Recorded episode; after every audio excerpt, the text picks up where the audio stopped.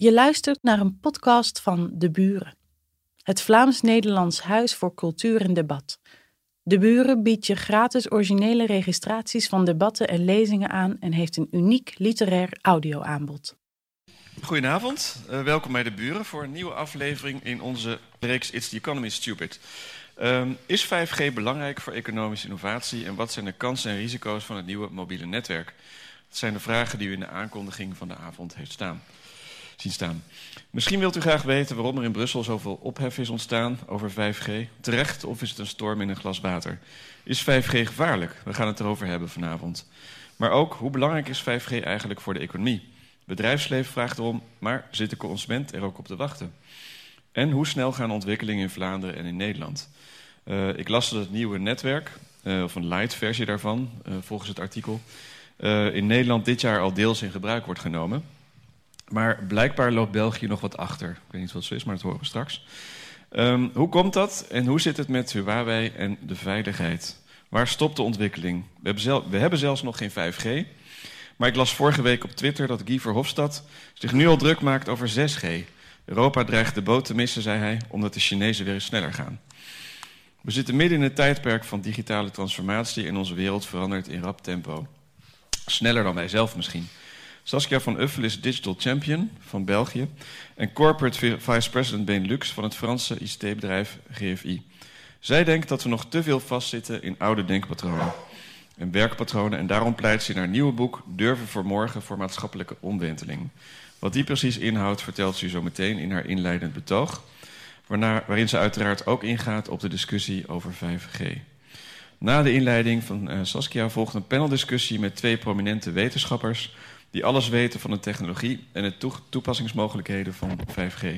Maar ook van de discussie rond het stralingsrisico en het onderzoek daarnaar. Professor Bart Smolders van de TU Eindhoven en professor Guy van den Bos van de KU Leuven.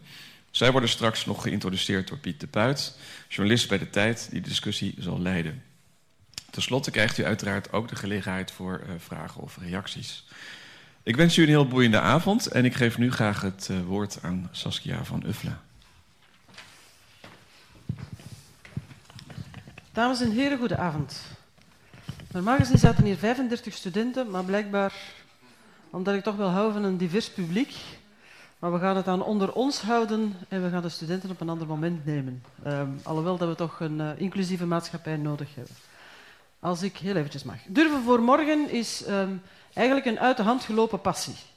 Zoals er net gezegd is, heb ik een aantal verantwoordelijkheden Een daarvan is uh, dat ik uh, België vertegenwoordig binnen Europa om alle aspecten van de digitale uh, agenda uit te rollen. Nu laat ons wel wezen, als ik spreek over digitaal, dan doe ik dat vanuit een maatschappelijke verantwoordelijkheid, niet vanuit een technologische verantwoordelijkheid. Want we hebben een maatschappij gecreëerd waar een enorme gap bestaat tussen rijk en arm.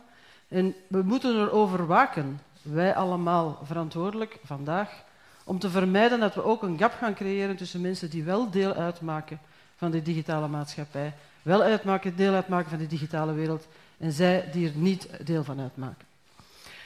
En dan kan je twee dingen doen. Dan kan je zeggen van ja, maar, wat ik meestal hoor, ja, maar Saskia de overheid, en ja, maar Saskia het onderwijs, en ja, maar Saskia.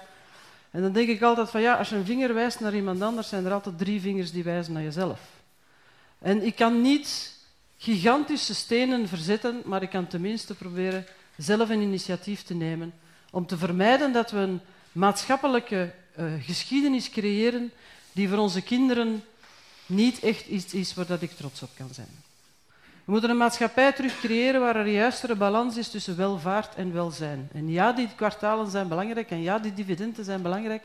En ja, dat financieel is belangrijk, want financiële marge maken maakt mensen aan het werk. Maar we zijn een beetje de balans vergeten tussen alleen maar rekken op de rekkers van gisteren en werken naar het economische en iets minder naar het welzijn. En daarvoor heb ik durvers nodig. Eigenlijk was de werktitel van het boek Hoe lang gaan we het nog rekken? Maar vermis ik een eeuwige optimist ben en die titel een klein beetje een negatieve uh, connotatie heeft, heb ik verkozen voor durven voor morgen. Ik denk dat we vandaag moeten durven van een aantal dingen te doorbreken de sociale zekerheid, we kunnen het niet blijven rekken. Mobiliteit, we kunnen het niet blijven rekken. Het klimaat, we kunnen het niet blijven rekken. Een juiste balans tussen welzijn en welvaart. De mensen zijn moe, we kunnen er niet langer oprekken. Dus we moeten vandaag durven een aantal aspecten te, door, uh, te doorbreken. En dan kan je ook zeggen wat ik heel veel hoor. Ja, maar Saskia, ik ben nog twee jaar van mijn pensioen. Voor mij zal zo'n vaart niet lopen, we gaan het uitstellen. Die na mij zal wel komen, die na mij zal het wel doen. Ik denk dat wij vandaag een verantwoordelijkheid moeten nemen. Diegenen die mij iets beter kennen, weten dat ik het niet zo heb met de Chinezen. Ik ga er ook iets later op terugkomen. Maar ik hou één uitspraak altijd in het oog. We moeten een paraplu kopen als de zon schijnt. We moeten dingen durven veranderen op het moment dat het nog goed gaat. En er zijn nog heel veel dingen die in België goed gaat. Maar je weet dat als je een rekker rekt, dan springt hij op een bepaald moment. Meestal gaat hij in je gezicht. En dan is het spel over. En 5G is eigenlijk één van die aspecten, maar het is maar één van de aspecten van het digitale tijdperk. Dit is een digitale maatschappij. Dat heeft een beweging in de manier waarop wij ons gedragen. En dat is geen oordeel, dat is niet goed, dat is niet fout, dat is gewoon een constatatie dat al wat die sociale media meebrengt, dat iedereen en alles geconnecteerd is. 60 miljard dingen zijn vandaag al geconnecteerd. Ik moet nog mensen overtuigen dat dat gaat komen. Die dingen zijn al geconnecteerd. De wagens zijn al geconnecteerd, uw koffiemachines zijn al geconnecteerd, uw radio is geconnecteerd, uw auto, uw pacemaker, uw bril, uw kinderen. Die dingen zijn vandaag al geconnecteerd. Maar als we dan verder kijken, dan komt het verhaal van 5G. De grote, ongekende. En ik ben geen ingenieur, ik zal nooit geen ingenieur zijn, ik heb er alle respect van. Maar marketingwijs van 4G naar 5G en 6G is niet erg verstandig, want het heeft eigenlijk niet zoveel met elkaar te maken. Ik ga proberen de telecom voor beginners uit te leggen. Um, eerst hadden we de vaste telefoonlijn, dan trokken we een kabel tussen A en B. Als je gaat kijken naar de foto's van Stockholm in de geschiedenis, dan krijg je dan een gigantische wasdraad, omdat we fysische plaatsen met elkaar wilden verbinden. We hebben daar 100 jaar over gedaan om 1 miljard steden wereldwijd met elkaar te verbinden. We doen er maar 15 jaar over om die 60 miljard dingen die vandaag verbonden zijn, om die te verbinden. En na, na het telefoongesprek kregen we dan de beelden, dan kregen we de media. En dan hadden we een andere technologie nodig, waarbij dat stukje van 3G, maar zeker 4G, een aanbod kon bieden. Nu, 5G is eigenlijk niet om sneller te bellen. Ik bedoel, mijn kinderen kunnen klagen, maar ze kunnen niet sneller klagen. En we kunnen video's zien, oké, interessant dat daar geen interrupt op zit. Maar er zijn heel veel aspecten aan 5G die wel belangrijk zijn voor de maatschappij en wel belangrijk zijn voor de economie. Ik weet in de introductie alleen maar gezegd is over de economie, maar ik vind het maatschappelijke belang, als het niet mag wezen, nog belangrijker uh, van hetgeen wat we uit 5G kunnen halen. En ik ga een aantal voorbeelden geven. Men zegt altijd 5G, ja, maar gebruikt veel meer energie. 5G verbruikt eigenlijk minder energie. En ik ga een voorbeeld geven. Iedereen die al een smart meter heeft mogen in zijn kelder installeren, het zou maar te gek zijn moesten we die iedere avond moeten opladen. Dus de technologie laat ook toe om minder energie te gebruiken eh, van 5G tegenover 4G. Dat is één aspect. Het tweede aspect is, stel dat we, we hebben in Aalst, we hebben in België prachtige capaciteiten aan specialisten in de, in de medische wereld. Stel dat we een hartchirurg vanuit Aalst een operatie willen laten doen via robot. Als jullie de patiënt zijn, weet ik het niet, maar als ik de patiënt ben, zou ik toch wel graag hebben dat er geen interrupt op zit. 5G laat ons toe om ervoor te zorgen dat het effectief dat er geen interrupt op zit. En zo zijn er een aantal technische mogelijkheden die het mogelijk maken om met 5G een aantal andere dingen te doen. Andere dingen, ik heb net gezegd maatschappelijk, wil zeggen dat we de ouderen ook langer kunnen in hun huiselijke omgeving laten. Want we kunnen die monitoring, die fysische monitoring, eigenlijk real-time doen. We kunnen mobiliteitsproblemen oplossen, want we kunnen buiten het weesverhaal en ik weet niet of je gezien hebt, er was heel veel volk hier in de buurt. De koning had een klein bezoekje aan het VBO dat 125 jaar bestond. En je weet, als de koning er is, mag niemand niet buiten totdat de koning buiten gaat. En dan vertrekken ineens alle auto's en dan zegt Wees, alles is rood. Dat hadden we eigenlijk wel kunnen voorspellen. Dus mobiliteit is een mogelijkheid om effectief structurele oplossingen te nemen op basis van die technologie. Gezondheidszorg is een mogelijkheid. Klimaat is een mogelijkheid want effectief, al die data die kan gecapteerd worden, zal ook andere uh, oplossingen kunnen creëren. Maar die digitale connectiviteit geeft natuurlijk ook een heel andere dynamiek aan de maatschappij. Mijn vader was geneesheer Als mijn patiënt bij mijn vader kwam, dan zei mijn vader, kijk, je hebt dat en dat en dat en dat. En je moet dat en dat doen. En die patiënt zei, dank u meneer dokter. Nu gaan we eerst allemaal langs dokter Google. Wij zijn overtuigd dat we weten wat we hebben. En wee als die geneesheer dat niet bevestigt. En we krijgen dus eigenlijk een wereld die op basis van data, juiste data of foute data, juiste data of fake news, maar denkt dat hij of zij betere minister is, betere huisdokter is, betere leerkracht is, betere ondernemer. En die dynamiek die omgedraaid is in zijn realiteit, en dat geeft natuurlijk een aantal drukkingsaspecten. Dat geeft drukkingsaspecten op een concept wat democratie noemt. Dat geeft drukkingsaspecten op een concept wat dat hiërarchisch leiderschap noemt. Dat geeft drukkingsmiddelen op politiek. En die dingen zijn ook aspecten waar we rekening moeten houden in een geconnecteerde wereld. De wereld economisch gezien is hard en we kunnen niet blijven rekken. Ik kom zelf uit het bedrijfsleven. Ieder kwartaal is het altijd, het was een fantastisch goed idee Saskia, maar dit kwartaal gaan we dat niet doen. Het is pervers, maar het is eigenlijk beter van mensen te ontslaan dan te investeren in levenslang leren, volgens de financiële analisten. Dus we moeten ook beseffen dat als we niet iets disruptief, als we niet iets ondernemen om meer energie en meer mogelijkheden terug in het bedrijfsleven te steken, dat we ook daar de rekkers aan het rekken zijn. Want de concurrentie komt niet meer uit de sector. De concurrentie komt ook niet meer noodzakelijk uit het land. De concurrentie komt ook niet noodzakelijk uit de regio. En dat zet heel veel dingen op zijn kop. Ik geef een voorbeeld van een, van een, van een autoconstructeur ja, we weten eigenlijk al wat dat die auto is. En dus stel dat er iemand tegenrijdt, dan weten we eigenlijk al wie dat er in fout is. En we weten eigenlijk al of dat het regende. En we weten eigenlijk al of dat hij te snel of te langzaam reed. Ja, waarom moeten we dan ook die blauwe papieren invullen? Met een bik die toch nooit niet schrijft als het regent, want meestal gebeurt het dan als het regent, bij mij toch.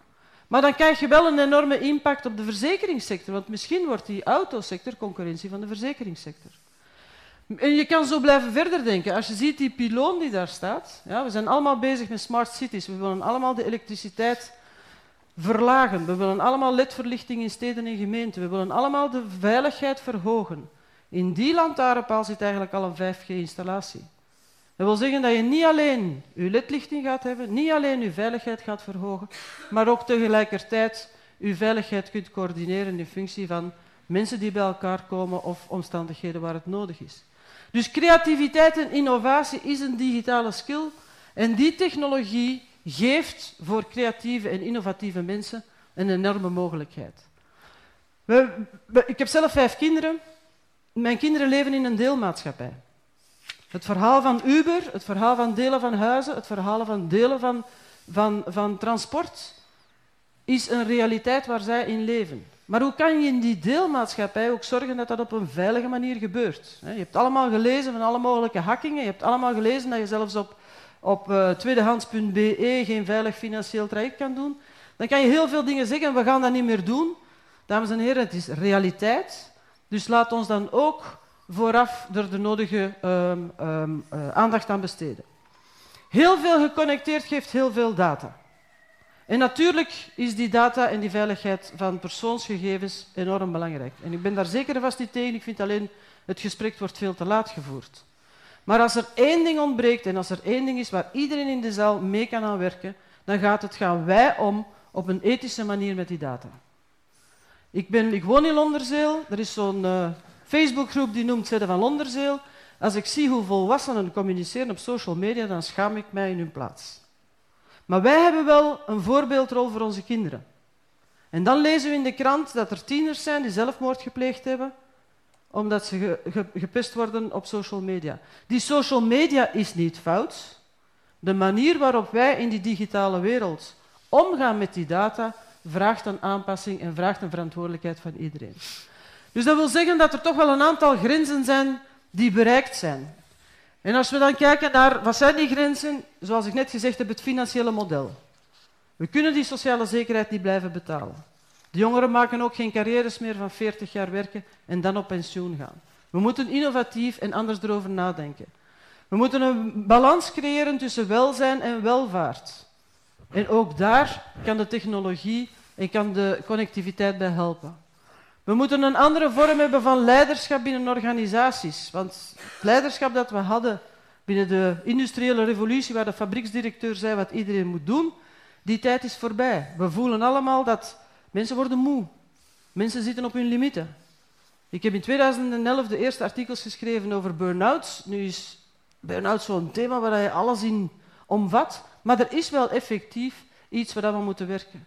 En iedereen en alles connecteren kan ook daar een aantal oplossingen bieden om effectief terug een juiste balans te krijgen. We leven in een wereld met een enorme diversiteit. Uh, zijn majesteit vroeg mij onlangs, zegt mevrouw Van Uffelen, in uw wereld, waar alles geconnecteerd is en alles gaat gaan met data, dan heb ik toch nog één vraag. Wat is de rol van de koning? Ik moet toegeven, ik had mij op alle vragen voorbereid. Maar ik heb hem gezegd van kijk, in een land zoals België, waar diversiteit toch wel onze troef is, is het enorm belangrijk dat we mensen effectief terug federeren en dat we gaan naar een inclusieve maatschappij. En ik denk dat daar een belangrijke taak is weggelegd voor de koning en dat bleek toch wel een voldoende antwoord te zijn. Maar het is niet noodzakelijk alleen maar economisch. Het is ook belangrijk dat we werken aan die duurzame objectieven. En vandaar dat ik ook zeg 5G, de technologie, en 5G is maar één van de elementen, de technologie kan een oplossing zijn om effectief ook die fundamentele uh, problemen uh, aan te pakken. Dus we hebben nood aan een transitie, maar dan heb je twee mogelijkheden. Meestal, als je de geschiedenis erop naleest, dan heb je um, na een oorlog, kunnen we terug beginnen bouwen. We leven nu in een maatschappij waar het aan ons is om vandaag te durven beslissingen te nemen. Want laat ons hopen dat we die transformatie kunnen doen zonder oorlog. Laat ons hopen dat we kunnen veranderen, terwijl we eigenlijk nog leven in de wereld zoals die gisteren bepaald is. Dat wil ook zeggen dat we lange termijn moeten denken. Ik had het net op het event van VBO. 2030 is 200 jaar België. We moeten durven dromen wat we in België willen geraken in 2030. We moeten durven dromen dat we die mobiliteit, dat we er iets aan kunnen doen, dat we die gezondheidszorg, dat we die inclusiviteit, dat we die duurzaamheid kunnen benaderen. En het is vanuit die durf dat we effectief een aantal beslissingen kunnen nemen. En natuurlijk moeten die beslissingen op een, op een veilige manier gebeuren. Ik heb een aantal jaren in de telecom uh, rondgehangen. België is het enige land waar de in Europa waar de volledige telecominfrastructuur van Chinese makelij is. Nu wil ik jullie geen schrik aanjagen, maar we moeten wel beseffen als we geconnecteerde kerncentrales hebben, en geconnecteerde vlieghavens, en geconnecteerde metro- en elektriciteitsbedrijven en waterbedrijven, ja, dan spreken we niet meer over persoonlijke data. Ik heb met jou gebeld, oké, ze weten het. Maar wat is hun macht en wat is hun kracht en hoe gaan wij ons beschermen in een wereld waar alles geconnecteerd is? En hoe kunnen we vermijden dat zij dan eigenlijk beslissingen gaan nemen die we die waarvan wij de gevolgen moeten lagen. En dat wil ook zeggen dat we daar het nodige talent voor nodig hebben. We hebben mensen nodig met de juiste kennis. We hebben mensen nodig die het veiligheidsaspect kunnen juist inschatten en daar de nodige acties op ondernemen. We hebben mensen nodig die durven nieuwe financiële modellen uit te rekenen, want die oude rekken op de rekkers gaat niet meer werken. We hebben mensen nodig die durven wetten veranderen en die durven de regulators die nog altijd leven zoals het was op het moment van de industriële revolutie, waar dat waarschijnlijk zeer zinvol was, maar misschien vandaag niet meer aangepast is. Dus we hebben ook talenten nodig. En we hebben heel veel talenten vandaag beschikbaar in de markt, maar die we eigenlijk niet optimaal benutten. Dus we moeten ook in ieder jaarrapport van alle mogelijke bedrijven niet alleen een artikel schrijven over veiligheid en kinderarbeid, maar ook een artikel schrijven over wat gaan we doen met het menselijk kapitaal. In 2030 gaan we in België 4 miljoen en half mensen hebben die werken. Als we vandaag niet beginnen met die mensen te hertrainen, en we weten dat 65% van de inhoud van die jobs veranderd zijn, dan maak ik mij zware zorgen als we effectief verder kijken. Dus het verhaal van 5G is niet alleen een verhaal van technologie. Er zitten nu specialisten in de zaal over veiligheid en, en gezondheid. Laat mij er één ding aan toevoegen. Die fantastische, lelijke 4G-masten die je ziet staan. En die niemand in zijn tuin wil hebben, maar als ze niet staan en ze geen coverage, iedereen begint te klagen. Die 4G-masten die beamen constant. De 5G beamt alleen als het nodig is. En je mag er gelijk welke studie op nalezen. Het is nergens bewezen dat 4G gevaarlijk is. Het is nergens bewezen dat 5G gevaarlijk is. Maar dan zeg ik als pragmatische persoon, als ik al eraf kan geraken van een uh, mobiel systeem te hebben dat constant beamt naar een systeem dat alleen maar beamt als het nodig is, dan heb ik eigenlijk al naar gezondheid de nodige acties ondernomen. Dus 5G-technologie is een belangrijk stap die we nemen. Ja, het is een belangrijke stap voor de economie. En economie, wie economie zegt en wie gezonde bedrijven zegt, zegt werk. En wie werk zegt, zegt welvaart. Maar het is ook een belangrijke stap die we moeten nemen om terug een juiste balans te creëren tussen welvaart en welzijn. Dus ik hoop ook vanavond een aantal durvers mee te kunnen aansluiten aan het project. Wij zijn verantwoordelijk voor de erfenis die we gaan creëren voor onze kinderen en onze kleinkinderen. Dank u. Dank je wel. Dank je wel, uh, Saskia van Uffelen. Uh, u heeft het gehoord, een pleidooi voor digitalisering met 5G als een belangrijk onderdeel daarvan. Misschien een pars pro toto voor het hele probleem of de hele uitdaging waarvoor we staan. Um, we hebben een dame vanuit het bedrijfsleven. Ik nodig hierbij ook graag twee vertegenwoordigers uit, uit de wetenschappelijke wereld. Enerzijds graag Bart Smolders uit Nederland afkomstig. Uh, Bart Smolders, u mag gerust al naar uw plaats gaan, is decaan van de afdeling elektrotechniek aan de Technische Universiteit Eindhoven. Hij is ook hoogleraar telecommunicatie. En meer in het bijzonder is Bart zijn team ook aan het werk om dus een aantal Europese en nationale projecten tot stand te brengen, waaronder nieuwe antennetechnologie voor 5G. Dus hier hebt u echt een vakspecialist die ook ons zal helpen om in dat debat de goede wegen en de interessante wegen te bewandelen. Zijn collega uit België uh, wil ik ook graag vragen om uh, plaats te nemen in het panel. Dat is Guy van den Bos, hoogleraar faculteit ingenieurswetenschappen aan de KU Leuven. En Guy is voornamelijk als stralingsexpert hier actief uh, en aanwezig. Iemand die ook vaak in de media is te horen, te lezen en te zien. Meer ook over de gezondheidsimplicaties van stralingsnormen, frequenties die met 5G te maken hebben. Dus zeker ook iemand die hier een belangrijke en nuttige bijdrage kan leveren aan het debat. Ik had graag, om het debat te laten starten, ehm, even de concrete vraag gewoon willen voorleggen. Kan u mij als panelid elk één concreet praktisch voorbeeld geven van wat 5G met zich meebrengt? En misschien een voorbeeld dat ons ook een beetje kan doen dromen over de mogelijkheden, zodat ik dan naadloos ook eens de andere kant kan bekijken. Is het misschien ook iets waar we uit onze droom zullen uh, ontwaken? Kan er een nachtmerrie misschien ook tot stand komen? Maar laten we eerst even de positieve kanten bekijken. 5G, maak dat even tastbaar met één concreet voorbeeld.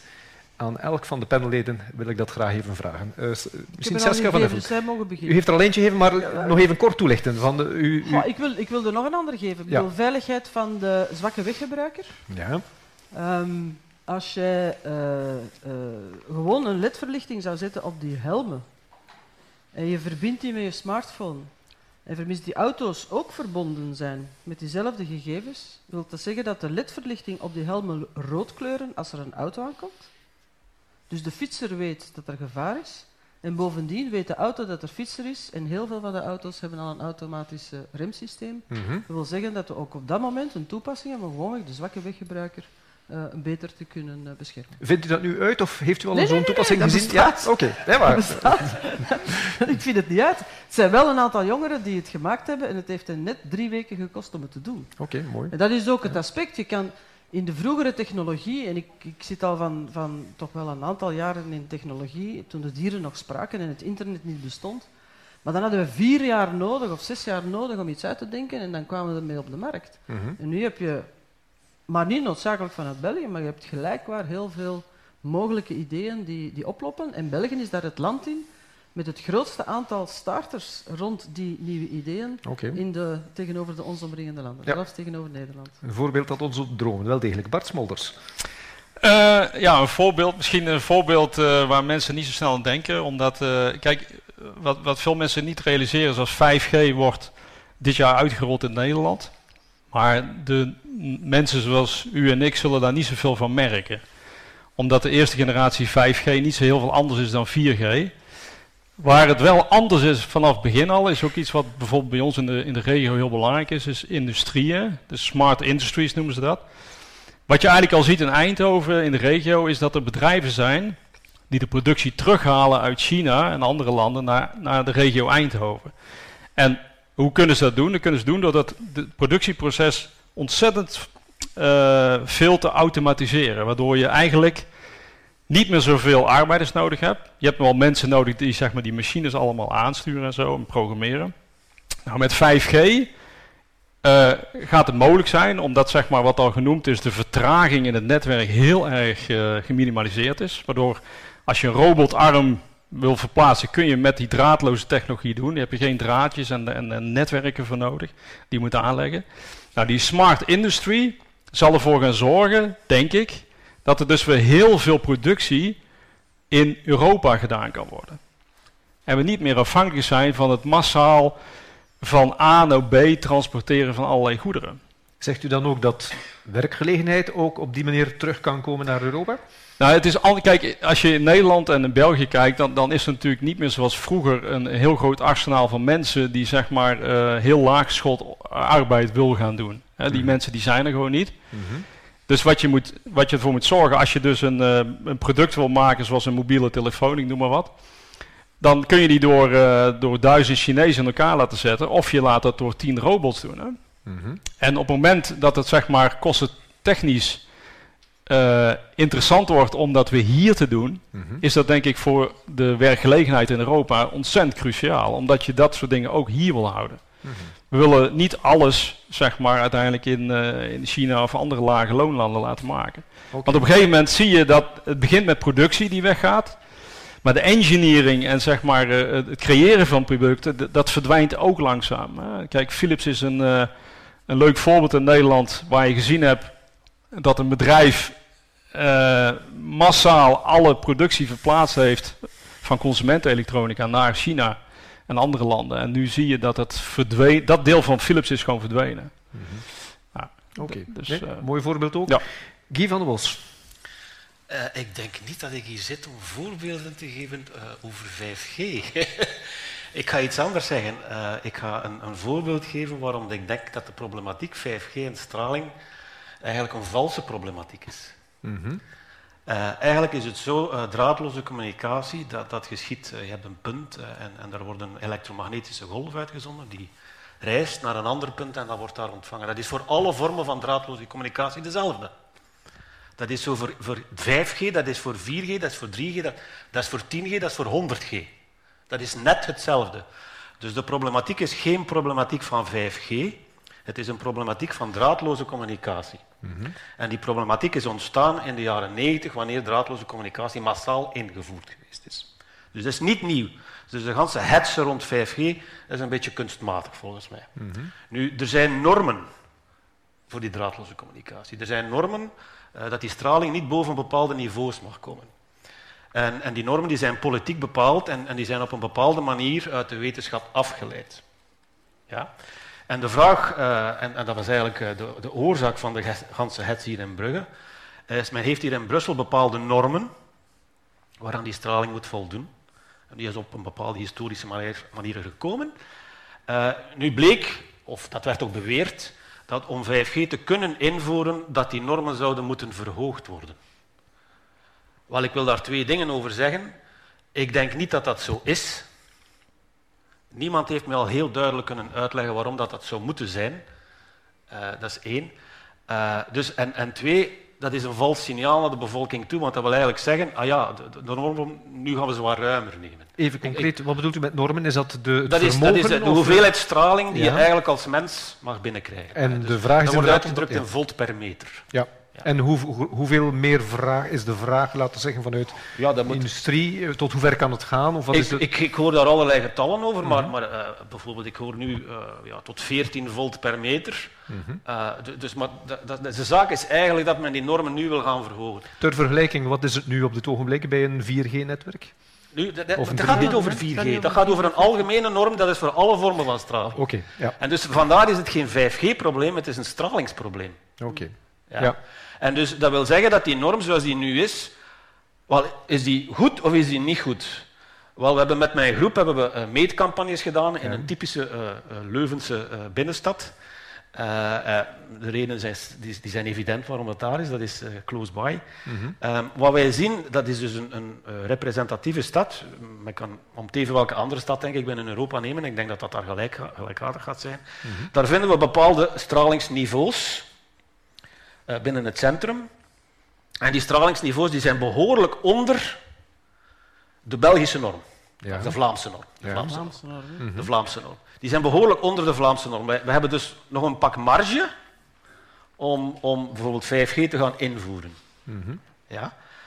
Um, dus de bewering dat men de normen moet gaan verhogen, ja, niet, niemand niet... heeft mij al kunnen aantonen waarom dat, dat voor alle toepassingen ja. zou nodig zijn. Wel, laten we misschien meteen even overgaan op uh, de bedrijfskant. Uh, mevrouw Van Uffel, uh, u zegt uh, of klopt het dat vanuit het bedrijfsleven de vraag is om die normen te verhogen en waarom is dat nodig? Maar mag ik heel even één ding verduidelijken? Mm -hmm. Je hebt in België Brussel, Vlaanderen, Wallonië. Ja. En dan heb je Europa. Mm -hmm. En er zijn inderdaad al een aantal eh, Europese normen die aangeraden zijn. Vlaanderen heeft die norm gerespecteerd en dan zitten we dus blijkbaar in Leuven uh, ruimschoots onder. Wallonië heeft die norm gerespecteerd en Brussel heeft zich een pak lager gelegd. Mm -hmm. Dat is een historische reden, hè. we zullen daar niet tussen komen waarom dat, dat zo is. Die liggen zo laag dat er eigenlijk maar ergens twee landen in de wereld zijn die op, diezelfde, op datzelfde niveau liggen. Mm -hmm. Nu, om een aantal applicaties en om, om, een, om een, uh, uh, een aantal applicaties en debiet te kunnen ondersteunen, heeft men in Brussel een capaciteitsprobleem. Ja. En dat, het enige wat men zegt is, waarom ligt Wallonië daar, Vlaanderen daar en ligt Brussel daar? Mm -hmm. Dat heeft geen aspect van veiligheid te maken, dat heeft een aspect te maken waarom in een geconnecteerde wereld kent men geen grenzen, laat staan regionale grenzen. Mm -hmm. En je kan dus niet de, de, de Brusselse economie uitsluiten, want dan krijg je dus het aspect wat we momenteel hebben, dat is dat iedereen buiten uh, Brussel zijn economie gaat opstarten. Maar je mag ook niet vergeten dat de grootste werkgevers in dit land is al hetgeen wat te maken heeft met Europa, Europese instellingen, NATO en dat soort van aspecten. Ja, als we die niet kunnen laten deel uitmaken van die geconnecteerde wereld, dan zouden we ook wel eens een ander aspect kunnen hebben. Dus het is niet, we willen geen verhoging. En ik ben volledig akkoord met jou, je kan heel veel doen, 4G wat je, wat je kan doen, of 5G ook. Dus de discussie is niet nieuw. Mm -hmm. De discussie is gewoon historisch gekomen voor Brussel specifiek. Ja, maar u, u, zegt we willen een level playing field hebben, want het heeft geen zin om, om ja, Brussel... Je kan, je kan ja, die dips nee. in een geconnecteerde wereld, is wel heel moeilijk. Ja. Om de vraag te, te, beantwoorden, we zitten momenteel aan een... Um, als we um, het, het, gebruik blijven, blijft stijgen zoals het nu stijgt, en dat is zowel voor consumer... Ja, um, dan, dan is de capaciteit van het mobiele netwerk in België niet voldoende toekoer... Niet voldoende. Zelfs niet alleen in Brussel, nee, maar... Nee, niet, niet, dan is het, het netwerk niet voldoende... Mm -hmm. um, uh, biedt het netwerk niet voldoende capaciteit. En dat gaat omdat de jongeren meer beelden willen en YouTube willen en dat we allemaal real-time smart cities en dat soort van dingen. Dat gaat gewoon over de datacapaciteit die we kunnen doen. Het heeft niks te maken met de stralingsnormen, heeft te maken met het netwerk als ja. Dat is een eerste aspect. Het tweede aspect is dat die zijn we nog maar bezig over het gewone consumergebruik. Mm -hmm. Als je... Uh, hetgeen wat hier net wordt aangehaald, als we kijken naar de Audi-fabriek in Brussel, hè, mm -hmm. staat toch wel heel goed aangeschreven naar werkgelegenheid tegenover de ons omliggende landen en ook de lage loonlanden. Waarom? Omdat die de transformatie gedaan hebben naar gerobotiseerde ja. infrastructuur en, en, en assemblage, inclusief het opleiden van mensen en dat soort van dingen, naar de toekomst toe.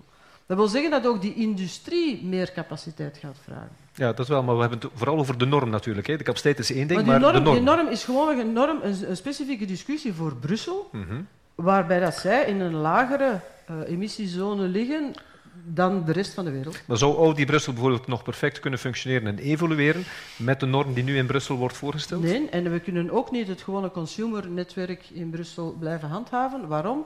We hebben drie actieve mobiele netwerken in België. Mm -hmm. En er mag geen bijkomende capaciteit in Brussel. Er kan geen bijkomende capaciteit in Brussel worden aangebracht. Ja, maar misschien nog even verduidelijken, en dan wil ik even naar Bart Smolders doorgaan.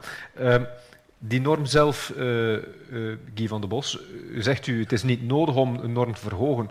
En is dat niet nodig omwille van technische capaciteiten die perfect mogelijk zijn met de bestaande norm? En daaraan plus hangt het ook samen met misschien gezondheidsrisico's, dat u zegt van waarom nu al dit risico nemen? Wel, het is een feit, om, om te beginnen, het is een feit dat niemand kan zeggen uh, wat die straling doet over 50, 60 jaar. Mm -hmm. Gewoon omdat ze nog niet zo lang is. Ja.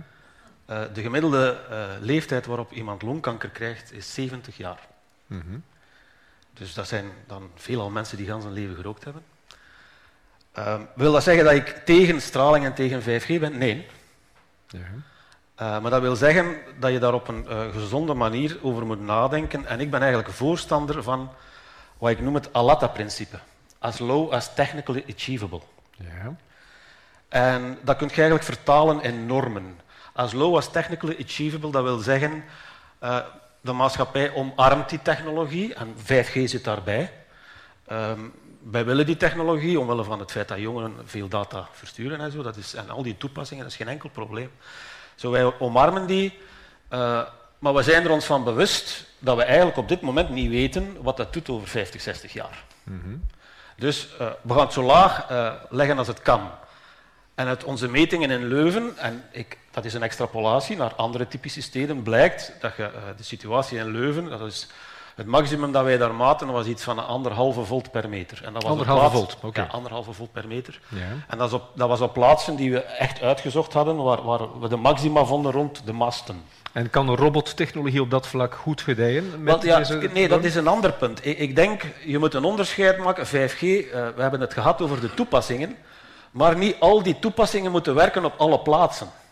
Dus als jij robots wil laten werken, dat wil zeggen dat je een verbinding moet hebben tussen de fabriek ja, en, en ergens anders, hè, om, om, laten we zeggen, data te kunnen overzenden. Maar dat wil niet zeggen dat een ganse stad moet ondergedompeld worden in, in hogere normen. Dat wil eigenlijk dat niet zeggen. Oké. Dus ik ben helemaal niet tegen 5G, absoluut niet. Ik ben heel pro voor al die toepassingen en zo. Maar ik denk dat de discussie op een veel genuanceerdere manier moet gevoerd worden. Ja. Is het dan mogelijk, uh, meneer Smolders, om een netwerk zodanig uit te bouwen, bijvoorbeeld op stedelijk niveau, dat er bepaalde punten, antennes, uh, een hogere norm toelaten voor specifieke toepassingen en op andere niveaus in de stad dat niet gebeurt? Kan men het zo uitbouwen? Um, ja, dat zou kunnen. Ik moet zeggen, de, Brusselse situa de Belgische situatie is natuurlijk wel, uh, moet ik even aan wennen, want in Ja, Nederland mag- hebben we dit soort discussies u rust, niet. U mag gerust Eindhoven als, als norm nemen, of als eh, regio. Ik bedoel, het kan ook in Eindhoven dat er dus Ja, specifieke toepassingen ja. andere normen gelden, lokaal. Nee, dat, dat zou in Nederland denk ik eh, geen, is geen discussieonderwerp. Dat wil niet zeggen dat mensen niet bezorgd zijn. Mhm.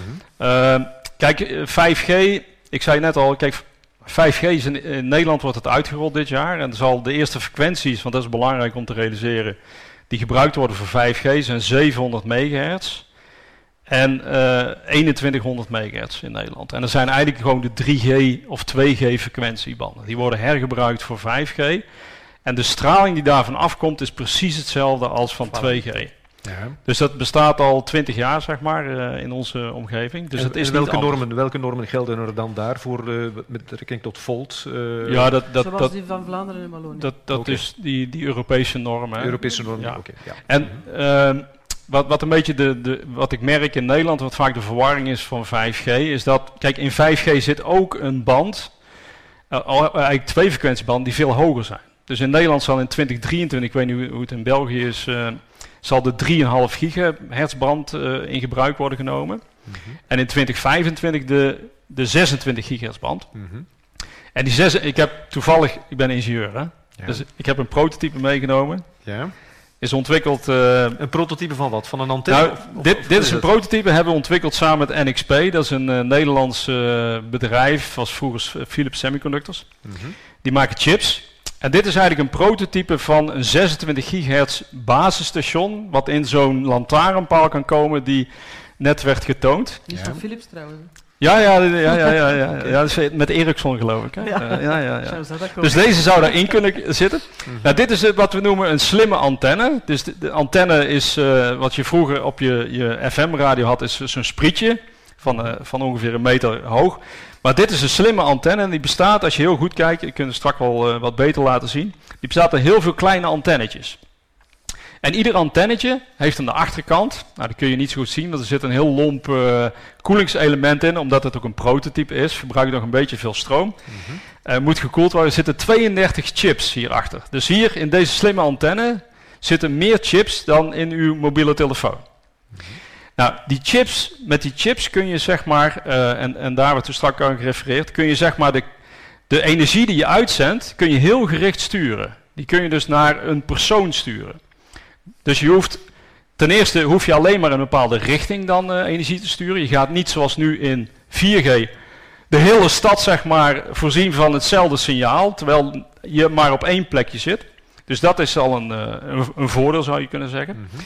En je hoeft als er iemand dichtbij zit ook niet zo veel energie uit te zenden. Dus je zendt maar een klein signaaltje uit. Nou, dan kun je wel zeggen, oké, die slimme antenne weet dan wel precies waar jij bent. Ja, dat is wel zo. Dus da daar zul je iets uh, omheen moeten regelen, dat je met die data en zo op een verstandige manier omgaat. Je bedoelt op het vlak van privacy dan? Ja, ja, ja. ja. Uh -huh. Maar, maar dit is dus een, een prototype van zo'n 5G-antenne, waar je er, omdat die bij 26 gigahertz werkt, en daar zijn mensen bezorgd over, uh, heb je er heel veel van nodig. Want zo'n zo'n antenne die dus bij 26 gigahertz werkt, die heeft maar een rijkwijde van misschien 100 meter. Uh -huh. Dus je moet per 100 meter moet je weer zo'n antennetje hebben. Dus je moet dus gaan zorgen, als je de hele stad zou willen bedekken, dan zou je dus alle lantaarnpalen bijvoorbeeld moeten voorzien van zo'n antenne. Ja, maar u wilt ook zeggen, door het feit dat ze dichter bij elkaar staan, hebben ze minder vermogen nodig, heb ik het goed verwoord, om de straling te voorzien of uit te zetten? Ja, per, zeg maar per verzonden berichtje ja. hebben ze minder vermogen nodig. Maar, uiteraard, we gaan dit ook introduceren om de capaciteit te vergroten. Dus we gaan ervan uit dat er meer berichtjes per seconde verzonden moeten worden. Dus of het stralingsniveau, als je dat zeg maar gaat bekijken over tien jaar, lager is dan nu, dat denk ik niet. Want het okay. verkeer van data neemt ook exponentieel toe. Ja, okay. Kijk alleen al naar een auto, waar tegenwoordig zeg maar een gemiddelde auto, die verzamelt per dag ongeveer 4 terabyte aan informatie. Mm -hmm. Nou, een auto over 10 jaar, die, die, uh, die verzamelt misschien wel 400 terabyte aan informatie. En als je die allemaal moet gaan verzenden, dat zijn heel veel netwerkfilmpjes. En zeker als die eventueel zelfrijdend zou worden. Ja, dus, dus de hoeveelheid informatie die verstuurd wordt, die gaat wel enorm groeien. Okay. Dus, ja. Guy van der Bos, u wou eventjes daarop reageren? Wel, er is, is uh, terecht uitgelegd uh, door professor Smolders mm -hmm. dat 5G technologieën heeft, zoals de bundelgestuurde antennes. En, en, ook kleinere cellen, want daar komt het eigenlijk dan op neer. Dus uh, veel meer antennes in, in de stad uh, die een veel kleiner bereik hebben. Dat zijn precies de twee dingen die ook kunnen gebruikt worden om de bestralingsexposure, om de belasting te gaan verminderen. Mm -hmm. Dus ik begrijp zeker nu niet waarom dat de normen naar omhoog moeten. Oké, okay. ja. Hm. Saskia van Uffen. Ja, maar ik heb gewoon gezegd dat de normen voor één land, en, en bedoel, het is alleen maar Brussel. Hè? Binnen, binnen heel Europa is er maar één, één diep in het verhaal. En het is correct dat Brussel zeer strenge normen heeft. Voilà. Ja. Maar ze moeten wel omhoog, blijkbaar. Nee, nee, nee. We vragen, we vragen gewoonweg van de normen te aligneren, omdat je anders technologisch gezien het, het, het geheel niet kan uitrollen op dezelfde manier. Ja. We hebben heel veel debat gehad door een fantastische minister over een vierde operator. Mm -hmm. ja. Stel dat we morgen een volledige nieuwe infrastructuur moeten uitrollen, dan kan je, dan kan je geen oplossingen zoals wij nu definiëren. Zeggen met die, die smart auto die rijdt dan van Vlaanderen, die rijdt dan naar Brussel, ja dat gaat dan niet meer. En dan rijdt hij eventjes weer terug naar Vlaanderen, mm. ja dan gaat dat terug wel nee, wel. kan ik inbeelden. Voilà. Ja. En dan moet je dat eventjes bekijken op Europese schaal. En dan kom ik terug naar het, naar het uh, economische mm -hmm. uh, aspect. Als wij het, het kenniscentrum willen zijn naar de toekomst toe van de vernieuwde economie, mm -hmm ja, dan kunnen wij ons niet permitteren van geen deel uit te maken van die volledig geconnecteerde wereld. Ja. En we vragen dus geen uh, verrassende dingen, we vragen gewoon dat we Brussel kunnen aligneren om daar één geheel van te maken. En zou je zich kunnen vinden dat er een soort scenario is waarbij niet het maximale, de maximale norm wordt gevraagd of zo maar, uh, geïmplementeerd ja. worden, maar dat men, dat men stapsgewijs... Maar ik, wil, ik, wil, ik bedoel, ik ben geen telecomoperator en ik ben geen minister, gelukkig. Mm -hmm. Maar laten we toch wel één ding duidelijk stellen. Zoals het net bevestigd, ik heb het proberen uit te leggen met, met, met die um, uh, beaming die niet constant is. Mm -hmm. Je kan zomaar niet een telenetwerk uitrollen. Er zijn gigantisch veel wetten en, en bouwvergunningen en, en stralingsonderzoeken mm -hmm. en, en richtingen die moeten aangegeven worden. Dat is ongelooflijk gestructureerd en gereglementeerd. Mm -hmm. Maar als ik dan het feit alleen maar om kleinere technologische hulpmiddelen te kunnen gebruiken om te vermijden dat we constant overal zitten te, bieden en ik, te beamen. En ik geef toe, dat heeft niks te maken met stralingsnormen, dat heeft te maken met de hoeveelheid. Ja. Ja. Mm -hmm. Zelfs als je de stralingsnormen verlaagt en je verhoogt de hoeveelheid, dan zijn we dan goed bezig. Mhm. En dus ik zeg van hoe sneller dat we kunnen gaan naar die nieuwe technologie, mhm. Voor iedereen die maar bezorgd zou kunnen zijn, wat nog niet bewezen is, want we weten het eigenlijk niet, zou het veel verstandiger zijn van het nu zo snel mogelijk te doen dan van het uit te stellen naar de toekomst toe. Ja. Uw logische vraag is dan ook, en dan wil ik ook straks even richting het publiek gaan, want er zullen ongetwijfeld ook vragen vanuit het publiek reizen. Maar ik wil nog eventjes de vraag ook naar onze twee wetenschappers uh, richten. Uh, is de logische vraag dan ook niet van, ja, maar als jullie dat versneld uitrollen, 5G, dan heb je natuurlijk nog altijd de andere netwerken die ook nog functioneren.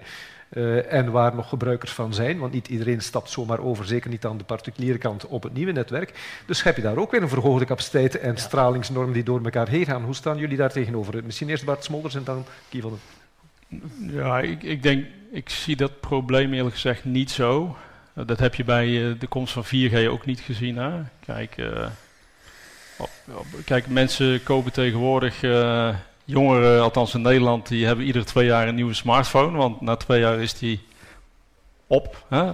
En je moet ook een afzonderlijke smartphone aanschaffen om op 5G over te gaan, neem ik aan. Ja, maar op een gegeven moment kun je geen andere telefoon meer kopen die, die 5G ondersteunt. Zo, zo zal het gaan, denk ik. Mm -hmm. En ik zei al, uh, kijk, het verschil tussen 4G en 5G zal de eerste jaren er ook helemaal niet zijn. Die zullen, mensen, gewone consumenten zullen dat niet, uh, niet, niet merken. Dus dan is de kans groot dat bestaande klanten blijven bij 4G, ondanks het feit dat 5G er is. Ja, maar ik denk dat de. Ik denk, ja, dat, kijk, als je om principiële redenen. Hè, als je per se 4G wil houden, omdat je denkt dat het veiliger is.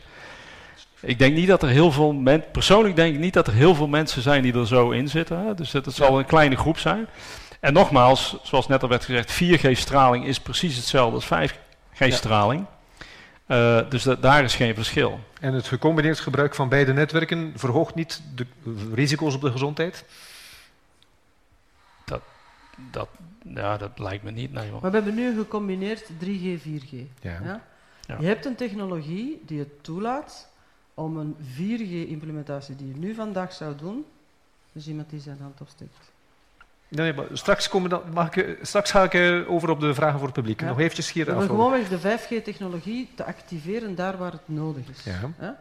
Dus dat wil zeggen, als, de, als, de, als de, de gemeenschap in België nog een 4G-gebruiker is, dan mm -hmm. gaat de gemeenschap in België 4G blijven gebruiken. Maar, ik, ik maar wil, als we, denk aan 15 maart, mm -hmm. een paar jaar geleden, wat hebben we toen gehad met het mobiele netwerk? Vermis dat zowel de urgentie als de consumer allemaal het 4G-netwerk gebruikten, hebben we eigenlijk een domino gekregen en het heel mobiele netwerk is plat gegaan. Mm -hmm. Als je dat zou kunnen doen in een 5G-omgeving, dan kan je eigenlijk een laag vrijmaken waarbij de urgentiediensten kunnen activeren. Mm -hmm. Dat stuk van het netwerk blijft dan wel actief en het consumer-gedeelte kan um, uh, verzwakt worden. Mm -hmm. Dus je krijgt een, een, een menging afhankelijk van de toepassingen die je gaat activeren. En ik ben volledig met jou akkoord, ook in een business-to-business omgeving. De meeste consumers zullen 4G blijven gebruiken totdat de technologie. Er zijn geen 3G-telefoons niet meer, nee. er zijn 4G-telefoons. Mm -hmm. Dus totdat die technologie 5G geworden is. Mm -hmm. Maar het laat ons tenminste toe om de industrie voor een aantal punctuele uh, uh, oplossingen mm -hmm. al 5G uh, voor, mogelijkheden te kunnen bieden. Oké, okay, nog eventjes Guy van de Bos ook in verband met dat gecombineerd gebruik. Hoe staat u daar ja, Het is evident als je iets nieuw invoert en je, dat straalt ook dat dat in het begin meer straalt. Ja, dat, dat is evident. Als je iets mm -hmm. toevoegt en je doet niks weg, dan wordt er... Maar ik wil er wel even op reageren, want in Nederland is het zo dat, die, dat 5G komt in de banden waar 3G zat. Dus in Nederland worden 3G-diensten gestopt. Ja. En op, in die banden, en ik denk in België hetzelfde, want er zijn gewoon geen frequenties beschikbaar. Ja. Dus in die zin neemt de netto-straling uh, zeker niet, niet toe. Nee, nee maar als Daardoor. je dat doet, als je dat kan doen, ik weet niet of dat overal kan, hè, dan moet je aan de operatoren vragen, mm -hmm. ja, dan hoeft weer al de norm niet te verhogen. Ja, ja, oké, okay, goed. Duidelijk. Um, ja, het lijkt me zeker de moeite waard om eventjes naar het publiek te kijken. Er is al iemand die de vraag uh, wil stellen. Misschien even kort een belangrijke afspraak maken. Als u de vraag stelt, heel gebald to the point gaan naar uw vraag. Dus dat wil zeggen naar het vraagteken op het einde van de zin. En ook uh, aan wie u de vraag wil richten, uh, vertellen. Alsjeblieft. Er is een micro ook waarin u kan spreken. Alsjeblieft. Ja, dank u wel. Uh, mijn naam is Luc Leenders en ik heb een, uh, een vraag in de zin. U stelt daar dat uh, 3G, 4G of 4G en 5G dat dat hetzelfde van straling zou zijn. Ehm, ik heb daar een groot vraagteken bij, want dat is wel juist dat dat elektromagnetische straling is. Maar er zit toch meer verschil in. Ik had graag dat u even zou toelichten waar het effectieve verschil zit tussen 4G en 5G, buiten het elektromagnetische aspect ervan. Mm Dat is één. En dan ten tweede, mm men gaat hier vanuit dat het allemaal niet gevaarlijk is voor onze gezondheid. En ik vraag me af waar u zich op baseert om deze stelling hoog te houden. Dank u. Mhm. Ja, dat was een vraag gericht aan de heer Smolders. Uh, ja, ik denk de eerste vraag aan mij en de tweede vraag aan, uh, ja. oké. Ehm, ja, eh, kijk, elektromagnetische straling, de grootste verschillen die er zijn tussen 4G en 5G zitten in de frequentie. Dus in 5G worden hogere frequenties gebruikt, waardoor je zeg maar andere antennetechnieken nodig hebt. Je hebt dit soort slimme antennes nodig die zenden elektromagnetische straling uit, maar die doen dat op een andere manier dan wat je bij lagere frequenties doet. Dus bij lagere frequenties zend je in alle richtingen uit, ook in richtingen waar de informatie niet naartoe moet. Bij hogere frequenties moet je zeg maar, de informatie in een bepaalde richting sturen.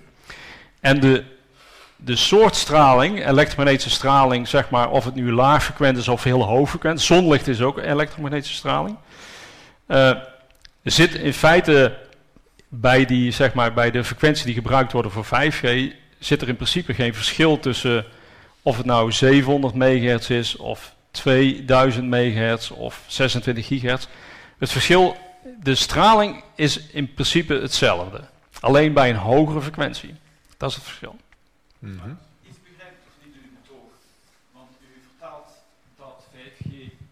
uh, start met een lage frequentie. Ja. En, en, nu zegt u dat de frequentie van 5G eigenlijk hoger is. Ja, spreekt u zich tegen? Ik, nee, ik, ik, spreek mezelf niet tegen, maar misschien is het verhaal ook niet zo duidelijk uitgelegd. En dat is ook vaak de verwarring van 5G.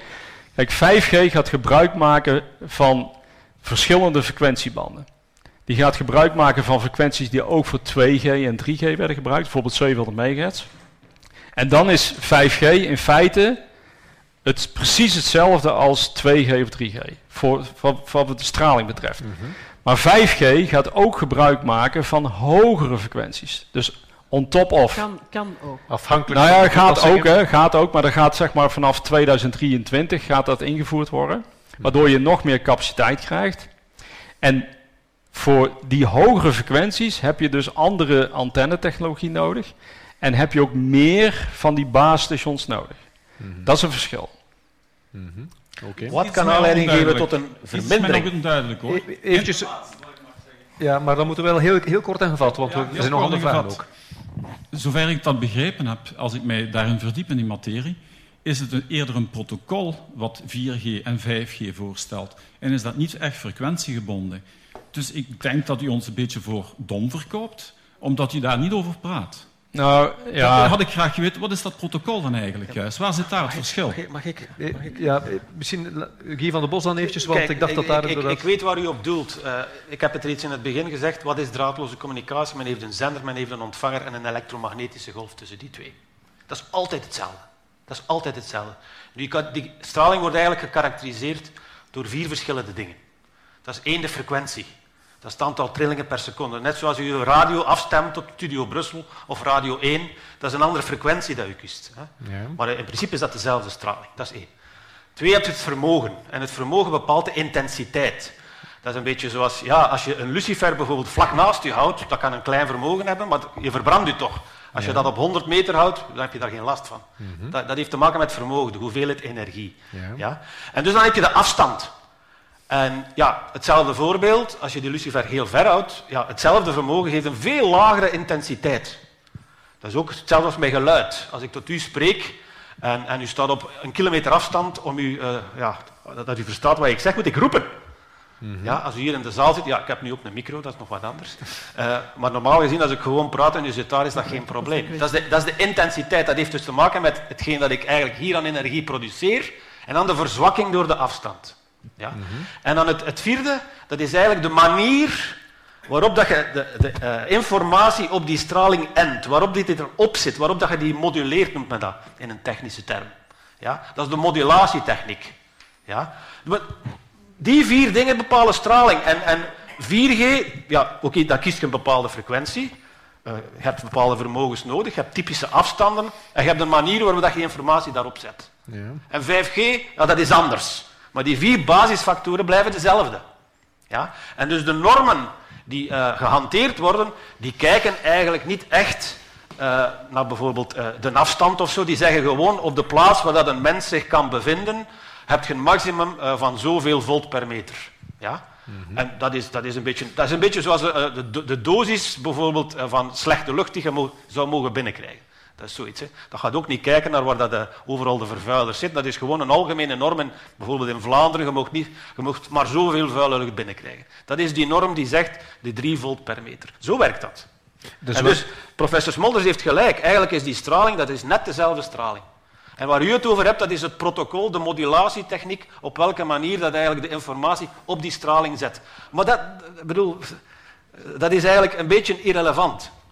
Maar wat bepaalt dan de nee, mag, ik eventjes, mag ik even overnemen, want we kunnen niet vanuit één vraag, vraagsteller, maar ik wil eventjes daarop verder gaan en ook dan kijken of we met het debat ook wat kunnen verbreden.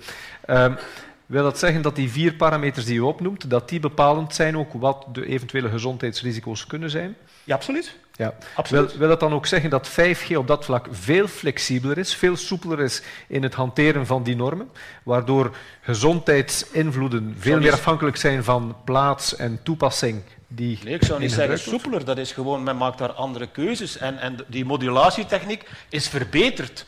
Uh, die is beter dan bijvoorbeeld helemaal in het begin. In het begin, als je gewoon ja, analoge communicatie had, dan kon je zeer weinig informatie doorzenden. Mm Maar die draadloze communicatie voor, voor analoog, dat was net hetzelfde. Hè? Ja. Dus de manier waarop dat je informatie op die golf zet, wordt beter en beter en beter. Dus je kan er meer op zetten. Ja. Ja, dat is de modulatietechniek. Ja, en dat gekoppeld aan gezondheidsrisico's, zegt u dan nee, de moet beter gemonitord worden? De gezondheidsrisico's die hebben te maken met de, de hoeveelheid straling, met de stralingsintensiteit. Ja. Ja? Mhm. Die zijn niet rechtstreeks verbonden met de modulatietechniek. Mm -hmm. Ja, maar daarnet werd ook gezegd dan, antennes moeten niet zo ver van elkaar staan. U zei het daarnet ook heel uh, uh, kleurrijk. Als u dichter bij me zit, moet ik minder intens roepen. Met andere woorden, als antennes dichter tegen elkaar staan, moet men minder intens of minder vermogen gebruiken om die stralen door te zenden. 5G biedt volledig de mogelijkheid om twee dingen te combineren. Dat is een hogere capaciteit en minder exposure. Okay. En waar ik voor pleit, dat is eigenlijk dat de operatoren, ja, gedreven vanuit de politiek of vanuit mm -hmm. de maatschappij, dat tweede aspect ook meer in rekening brengen. Want dat doen ze nu totaal niet. Okay. Nu kijken ze gewoon, kijk, we voldoen aan de norm, dat is oké. Ja. Oké, dat is duidelijk. Zijn er andere vragen uit het publiek? Dat wil ik meteen eventjes uh, vooraan en dan achteraan ook. Misschien hier in het midden vooraan, de man die... Ja. De micro komt eventjes bij u, dan kan iedereen goed horen. Ja, een vraag voor? Ik had een vraag aan professor Van der Bossen. Ja. Uh, ik hoor dinsdag Telenet in Leuven nog zeggen, uh, en dat is de dag voor hun jaarverslagpublicatie, zeggen zij nog, wij kunnen in de 5G het aantal masten niet uitbreiden eh, financieel. we kunnen dat gewoon niet financieren, omdat er heel veel eh, moeten gezet worden. Dus wij ons beperken, allicht in eerste fase voor de avond, eventueel voor de steden. Brussel zal wel meedoen aan een tijd. Ze zullen wel verplicht zijn als Europese stad. Ze kunnen het toch niet blijven, uh, blijven boycotten of allemaal te zeggen. Uiteindelijk zijn er maar twee operators, plus een derde mobiele waar dat u uh, het er straks over had. Dus als men dat eigenlijk praktisch vandaag niet kan, en België dreigt ermee een beetje achterop te geraken. Waar zit jij dan met je motor voor economische innovatie? Okay, dus, ik, als particulier, ik als particulier ga het allicht niet echt nodig hebben. Ik heb toch mijn 30, als ik het goed voor heb, 30 mega bits. Ik heb ze toch, dus eh, ik heb er geen nood aan. Dat is zuiver particulier. De bedrijven die gaan het krijgen. De grote steden ook. Daar is de nood Ik denk als je 5G op een intelligente manier uitrolt, dat je geen verhoging van de normen nodig hebt. Ja, het gaat niet over de normen, het gaat over de financiële kant. Zij, ja, ik ben... zij besteden vandaag... Ja, maar zij zeggen het openlijk, hè, het was niet een besloten vraag, openlijk. Ze hebben vandaag 1,8 miljard eh, miljoen investering per dag, doen zij, aan hun netwerk. Zij kunnen dat niet. Als ja. het niet kan, neem ik aan dat Proximus het ook niet zal kunnen. Ja, waarom kunnen ze het niet? Omdat ze de middelen niet hebben financieel. Misschien heeft ja, dat heeft niks met straling te maken. Ja, maar ze, ze verklaren het wel, hè. dus ze gaan het niet doen. Wie, wie gaat het dan wel doen, dat wij 5G net hier zetten? Even, dat is een economische Vreemde. vraag. Allee, derde, dus iemand anders dan. Ja, misschien even Saskia van Uffelen laten antwoorden daarop voor het economische. Ik ga gewoon weg. Um, we hebben drie operatoren actief in België. We hebben Orange, we hebben Proximus en we hebben Telenet. Laten we heel eventjes Proximus nemen, is een overheidsbedrijf. Mm -hmm. um, die moeten zorgen dat hun 4G-netwerk uh, groeit in capaciteit om het huidige gebruik aan te kunnen. Daar moeten ze in investeren. Bovendien zouden ze moeten investeren in een 5G-evolutie. En tegelijkertijd heb je de, over, de, de, hoofdaandeelhouder, die de overheid is, die zegt, maar wij willen wel ons dividend hebben. Mm Er is iets in de mathematische formule wat niet klopt. Dus als ik zeg durven voor morgen, en dat is dus het, het, het gesprek wat we nu proberen op tafel te leggen voor België rond 5G, is wat te zeggen, oké, je moet de telecom moet spectrum aankopen, hè, om, dat, om dat 5G, die 5G-activiteit te kunnen doen. Ja, wacht eventjes. Je moet en spectrum aankopen, en investeren in een 5G, en uw 4G actief houden, en uw dividend. Beste overheid, er is iets wat niet klopt. We moeten misschien dus durven denken aan een andere financiële regeling. En hetgeen dat we nu op tafel gelegd hebben, is zeggen van oké, je, je, moet een stuk betalen voor het spectrum, want dat komt volgens de regels de overheid toe. Maar ze moeten een stuk mee investeren om die 5G-economie, en we, we, focussen in eerste instantie op economie, industrie, um, uh, die we daarin kunnen ondersteunen. En dus in plaats van dat geld aan de regering te geven, gaan we dat geld uh, investeren om de economie te laten groeien. Maar we moeten gaan naar andere financiële modellen. Mm -hmm. En hetzelfde verhaal kan je doen voor Telenet. Telenet maakt deel uit van de LG-groep. LG-groep is een investeringsmaatschappij. Ja, die hebben nu kwartalen. En dus die willen op een bepaald moment hebben die uitgaven en die willen inkomsten zien. En, en, en daar is nu het verhaal van de rekker is gerokken. Je kan niet altijd kijken naar de telecom en zeggen van jullie moeten maar rekken en jullie moeten maar doen. Nee, we moeten proberen die financiële stroom ook anders te laten gaan. Mm -hmm. En ik denk dat de industrie bereid is om mee te denken. Hè? Ik, ik heb ja. er misschien nog wel een aanvulling. Ja. Uh, ik, ik, weet niet hoe dat in België gaat, hoor, maar ik weet iets van het Nederland. Uh, ik, ik, was een paar weken geleden in Den Haag bij een meeting over 5G ook. In Nederland is de bedoeling uh, dat de overheid zeg maar, uh, de frequentie gaat veilen, zoals we dat ook voor 4G gedaan hebben, maar niet voor alle frequenties. Dus met name bij die hogere frequenties, zeg maar, ik haal mijn uh, mooie prototype weer naar voren, bij deze 26 gigahertz, is het de bedoeling dat die ook voor een deel licentievrij wordt vrijgegeven. Okay. Dat wil zeggen dat bedrijven zelf, particulieren ook, buurten, hun eigen 5G-netwerk zouden kunnen en ook zullen gaan installeren. Er hoeft geen KPN of hoe dat ook heet hier in België tussen te zitten. Hmm. Dus dat is een ander businessmodel. Mm -hmm. ja. Dus dat is ook iets wat, wat in België denk ik ook uh, uh, zeg maar gaat Zijn dat dan een soort private netwerken waarop? Ja, dat zijn licentievrij zoals wifi, hè, want wifi, wifi uh, zeg maar in Nederland noemen ze wifi, mm -hmm. maar wifi is iets wat ook in de licentievrije band werkt, hè, bij 2,5 gigahertz, maar dat zit echt helemaal dicht uh, omdat er gewoon, ja, in die band is maar 80 megahertz beschikbaar. Dus ja, je hebt een capaciteit die kun je niet vergroten. Dus wifi is iets wat ook zal uitfaseren, denk ik. Mm -hmm. voor, op de manier waarop we het nu gebruiken. Daar zal 5G ook voor een groot deel gebruikt gaan worden. Maar die hoge frequentie 5G kan dus ook je toekomstige netwerk thuis zijn. Mm -hmm. okay. Waar je dus niet hoeft te betalen aan, aan de operators. Ja, goed. Oké, okay. ik zag nog twee andere handen de lucht in gaan. Achteraan helemaal en hier ook aan deze kant. Dus... Uh, eventjes, ja. Zegt u maar. Heel kort de vraag formuleren aan de persoon tot wie u zich wil richten. Mevrouw. Ja, oké. Okay. Uh, de economische belangen worden altijd zo sterk in de verf gezet. Uh, hoe zit het met de ecologische belangen? Want ik vind, uh, er wordt er, er, zijn stralingsnormen, die moeten wel ergens op gebaseerd zijn, maar ik krijg zo weinig concrete informatie over wat is nu precies het risico, niet enkel voor mensen, maar voor alle levende wezens, want dat hangt allemaal samen. Mogen we daar iets meer over weten? En als uh, u zegt van, ja, we weten niet wat de effecten gaan zijn over 50 of over 70, 70 jaar, dus zullen we ze maar negeren. Dat, dat, dat, uh, dat lijkt me zeer nee. Dat wordt Zeer gevaarlijk nee, bestaat er iets als een... Nee, nee, je hebt niet gezegd, nee, nee, dat hebt u niet gezegd, maar dat, is, dat, dat zou een praktisch gevolg ervan kunnen zijn, want we weten het toch niet. En is er iets als een voorzorgprincipe? Ja, en, en zijn er heel concrete gegevens over wat precies die straling doet met levende wezens. Daar dus, hoor ik zo weinig over. Dus de ecologische impact en de Er zijn uh, letterlijk honderden, duizenden, tienduizenden studies over deze materie. Dat is één.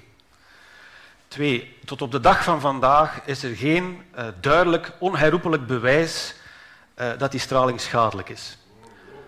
Nee, nee, dat is. Dat is gewoon een feit. Waarmee ik niet zeg, even luisteren, even luisteren. Waarmee ik niet zeg dat het onschadelijk is. Dat is ook niet waar. Het zou onethisch zijn van aan te nemen dat die straling onschadelijk is.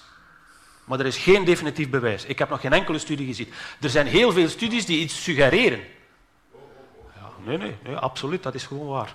Er zijn heel veel studies die iets suggereren waar een effect... Ik heb zelf aan zo'n studies deelgenomen, dus ik weet hoe het zit. Ja? En, en dat is geen bewijs. Als je zo'n studie honderd keer doet, en dat geeft honderd keer hetzelfde resultaat, dan heb je een bewijs. Als je één studie doet... Van de Bos, misschien even concreet, er wordt ook verwezen naar een studie op een mierenpopulatie. Ja, wel, ik heb deelgenomen aan een studie Kan u dat even over- kort op- toelichten in welke zin dat dat dan niet relevant zou zijn, deze studie? Omdat het, dat is geen bewijs, dat is alleen een suggestie van oh, we moeten voorzichtig zijn, want we weten het eigenlijk niet. Het zou wel eens kunnen. En vandaar het Alatta-principe, as low as technically achievable. Want het alternatief zou zijn, we gaan nog lager en dan werkt het niet meer. En daar heb je geen democratische meerderheid voor. Straal, eh, straling, wel draadloze communicatie, en dat kan alleen geschieden via straling. En dat is nu eenmaal op deze moment omarmd door de maatschappij. Dus als u de, de normen zo laag zou maken dat het niet meer zou werken, ja, dan gaat je er nooit niet door krijgen. Dat, dat, daar vind je geen democratische meerderheid voor. Dus het alternatief is alatta, as low as technically achievable. En dat wil onder andere zeggen dat ik me verzet tegen het verhogen van de normen. In Brussel. Wel, oké, als u zegt bijvoorbeeld het gelijktrekken van de normen over gans België, daar kan ik me perfect in vinden. Want is het is, wat er gevraagd het is mijn mening dat, dat men dat eigenlijk zelfs op Europees niveau zou moeten doen. Ja, ja, ja, dat klopt. Dus het heeft geen enkele zin om normen te hebben in Parijs, in Brussel, in Vlaanderen, in Torino. En die zijn allemaal verschillend. Dat is zeer verwarrend. De problematiek is net dezelfde. Eigenlijk is dat iets dat op Europees niveau zou moeten geregeld worden. En dat wordt niet gedaan. Ja, dus Ja. kort samengevat, dus met andere woorden, effecten kunnen niet voldoende ingeschat worden. Een voorzorgsprincipe is geboden op dat vlak. Goed, andere vragen? Achteraan deze heer bij de pijler en dan hier ook aan deze zijde nog. En Ah, goedenavond, mijn naam is Peter van den Broeke. Ik had eigenlijk twee vragen. Eén voor mevrouw Van Uffelen. Is- U spreekt over welzijn. Maar ik had graag eens een definitie gehoord van welzijn, want ik hoor alleen maar financieel welzijn. Nee, maar nee, voor, nee, mij, voor mij gaat welzijn over heel wat eh, meer aspecten. Ja. En als je alles vervangt door robots, dan is dat geen welzijn voor mij. Twee is, eh, en daar ben ik echt wel boos om, er zijn wel duizenden studies die de gezondheidsaspecten eh, eh, bewijzen. Hè. Bewijzen, nee. Ja. Maar goed, we kunnen moeilijk een Dus woord dat tegen blijft- woord discussie dat houden. blijft een plikklok. nu... En als we blijven pingpong spelen, dan is het wel aan jullie om te bewijzen dat het onschadelijk is. En Dat is niet aan onmogelijk. ons om te bewijzen dat het Je kunt niet, schadelijk je kunt is. niet bewijzen dat iets onschadelijk Dat is een zeer grote zorg Dat zijn uw twee vragen, zijn dat? eh, Welvaart en welzijn. want laten we eventjes op, op het aspect welzijn ingaan. Eh, Saskia van Uffel. Ja, ik ben begonnen met te zeggen, ehm, we hebben een maatschappij die redelijk gefocust is op welvaart. En ik vind dat er een dringende nood is om terug een balans te maken tussen welzijn en welvaart. Ik heb ook gezegd, winst maken is als bedrijfsleider, vind ik gezond, want dat creëert een economie. En ik ga heel even specifiek voor België. En omdat ik het zo beu was van altijd discussies te hebben over cijfers van Nederland en Singapore en Hongkong, we hebben samen met Agoria een studie gemaakt over, en ik kan die, eh, de details zijn beschikbaar, hoe ziet de arbeidsmarkt in België eruit tussen nu en 2030? Voor Vlaanderen specifiek, voor Brussel specifiek, voor Wallonië, want het uitgangspunt is toch wel een klein beetje anders. Voor de verschillende sectoren, voor de verschillende jobniveaus, van postbode, kassier, verpleegster, manager, whatever dat je kan doen. Een aantal cijfers die ik jullie terug wil meegeven voor België. Voor iedere job die er verdwijnt, want ik hoor het verhaal van de robots, komen er 3,7 jobs bij. Ik heb dat niet uitgevonden, dat is de studie die dat aantoont, met alle mogelijke cijfermateriaal, ik laat het aan jullie bekijken. Natuurlijk vraagt die andere competenties. Vandaar dat mijn belang zo is naar dat levenslang leren. We gaan 310.000 werklozen hebben in 2030. Voor die mensen moeten we dringend werk maken om die door een volledig traject te draaien. Het is nu al sinds eh, acht jaar dat ik met het Belgian Digital Skills Fund probeer mij te focussen op die groep om te vermijden dat we een exclusieve maatschappij maken, een inclusieve maatschappij, om die mensen zo snel mogelijk mee te kunnen blijven betrekken. Wat ga ik doen met 310.000 werklozen, terwijl dat we weten dat we 587.000 jobs gaan hebben die niet zijn ingevuld? En dan kan je kijken naar het onderwijs. We hebben per jaar 0,6% inflow nodig van nieuwe studenten. In de veronderstelling dat het onderwijs vannacht helemaal hervormd is en dat we fantastische studenten afleveren met de juiste competenties, waar ik mijn twijfels over heb, komt er maar 0,3% uit het onderwijs. Dus we hebben sowieso al een gap, ook aan de inflow. Dus de enige, voor mij het enige belangrijkste aandachtspunt is, wat gaan we doen met die 4 miljoen en half mensen die vandaag werken? Want 65% daarvan hun job zal veranderen. En als we die niet mee kunnen betrekken, en zoals Fons Leroy van de VDAB altijd zei, de mens is niet overleden, altijd zegt, we hebben iedereen zo lang mogelijk actief op de arbeidsmarkt in België nodig. Maar we moeten hen ook betrekken. En dan kom ik op het antwoord van welzijn. We hebben de organisaties gerokken op de, de, de elastiek om de kwartaalresultaten te maken. Je moet nog wat meer doen met minder mensen. En het volgende kwartaal moet nog wat meer doen met minder mensen. En het volgende kwartaal minder meer doen. Ik had in mijn vorige rol had ik, had ik 85% dingen geoffshored. Wat moet ik het volgende kwartaal doen? Ik heb geen meer. Dus als ik nu niet kan werken met het menselijk kapitaal dat ik nu ter beschikking heb, en in België is dat nu de Real Dolmen organisatie deel uitmaakt van de GFI-groep, het zijn 2000 mensen. Als ik niet kan zorgen dat ik die mensen zo actief mogelijk en op een juiste balans, en dat wil niet zeggen 50-50, maar terug aandacht naar juiste balans tussen privé en, en, en professioneel, naar juiste balans tussen verschillende generaties, want ze hebben allemaal een andere visie rond hun carrièreplan, rond hun, hun financieel plan, rond hun, hun, hun carrièreperspectieven. Uh, uh, ja, als we ook niet aandacht daarop kunnen geven, en vandaar dat ik zeg, ik wil in de jaarrapporten van de bedrijven een stuk daarover zien. Hoe ga ik om? En je hebt er een aantal die het goed doen. Hè? Als je kijkt van Wouter Torfs, je kunt ermee lachen, maar is een voertuig, ik vind dat een fantastisch idee. Maar je moet het wel laten deel uitmaken van de visie hoe dat je bedrijven aanstuurt. Kan 5G een rol spelen in het beter levenslang laten aanpassen en leren van mensen. Want misschien heb je ook een soort ja. klasses die daar zich zullen ontwikkelen. Mensen die zich 5G kunnen veroorloven, mensen die zich geen 5G kunnen maar ik veroorloven. Maar ik heb altijd een beetje schrik van te zeggen, van dit gesprek te voeren rond 5G. We hebben vandaag al 4G en we kunnen heel veel met 4G ook doen. Dus mm -hmm. het is niet 5G dat het ding gaat oplossen. Maar iedereen is verantwoordelijk voor zijn of haar leven ook. Mm -hmm. um, ik, ik, zou niet mijn, mijn, verschillende rollen kunnen combineren met een familie van vijf kinderen, moest ik de technologie niet hebben om gelijkwaard te kunnen werken. Mm -hmm. Maar dat heeft niet met het feit dat ik af en toe eens zeg van stop. Maar dat is een beslissing die ik moet nemen en die ieder voor zich moet nemen. Mm -hmm. Je hebt projecten rond homeworking. Maar je hebt mensen die niet thuis kunnen werken. Of je niet thuis... Dus het, het, ik heb op een bepaald moment stond erop, uh, one size doesn't fit all. We, mogen niet, niet, we kunnen niet meer gaan. Iedereen moet thuiswerken. Dat Mhm. gaat niet, want je hebt mensen die niet de omstandigheid hebben, die deel willen uitmaken van een team. Dus het, het, wat wil dat nu zeggen, gaan focussen op welzijn, hangt een beetje af van A, de maturiteit van de organisatie. Als je vertrekt van een, van, van- als bestuurder van de post, hè, als je vertrekt van, van de post of je vertrekt van Wouter Torfs, je vertrekpunt is wel anders. Mhm. Dus de manier waarop dat je aan je cultuur binnen je organisaties gaat veranderen, is een anders, omdat het een ander startpunt heeft. Mhm. Maar iedereen heeft boter op zijn hoofd. Hè? De financiële analisten moeten dan ook stoppen Mhm. met alleen maar te zeggen, je moet het allemaal doen in dit kwartaal. Zij moeten ook durven aanvaarden dat we een strategie gaan maken die langer is dan drie maanden, waarvan dat we eigenlijk maar één maand werken, want Ja. Ter informatie, de Nederlanders, de Voertdag eh, is een dag die als extra verlofdag wordt ingeschakeld voor mensen die volledig willen loskomen van het werk. Dus eh, dat even kort samengevat. maar die ze wel voor zichzelf moeten spenderen. En voor zichzelf inderdaad moeten spenderen. Ja. Eh, nog eentje, eventjes een vraag uit het publiek en dan wil ik een ander thema even, ook even aansnijden met het panel. Goedenavond, ik ben Chris van Kerk. Ik ben eh, arts, ik wil spreken als arts. Eh, ik, ik zie dagelijks eh, patiënten en ik wil het even echt focussen op gezondheid. Ja.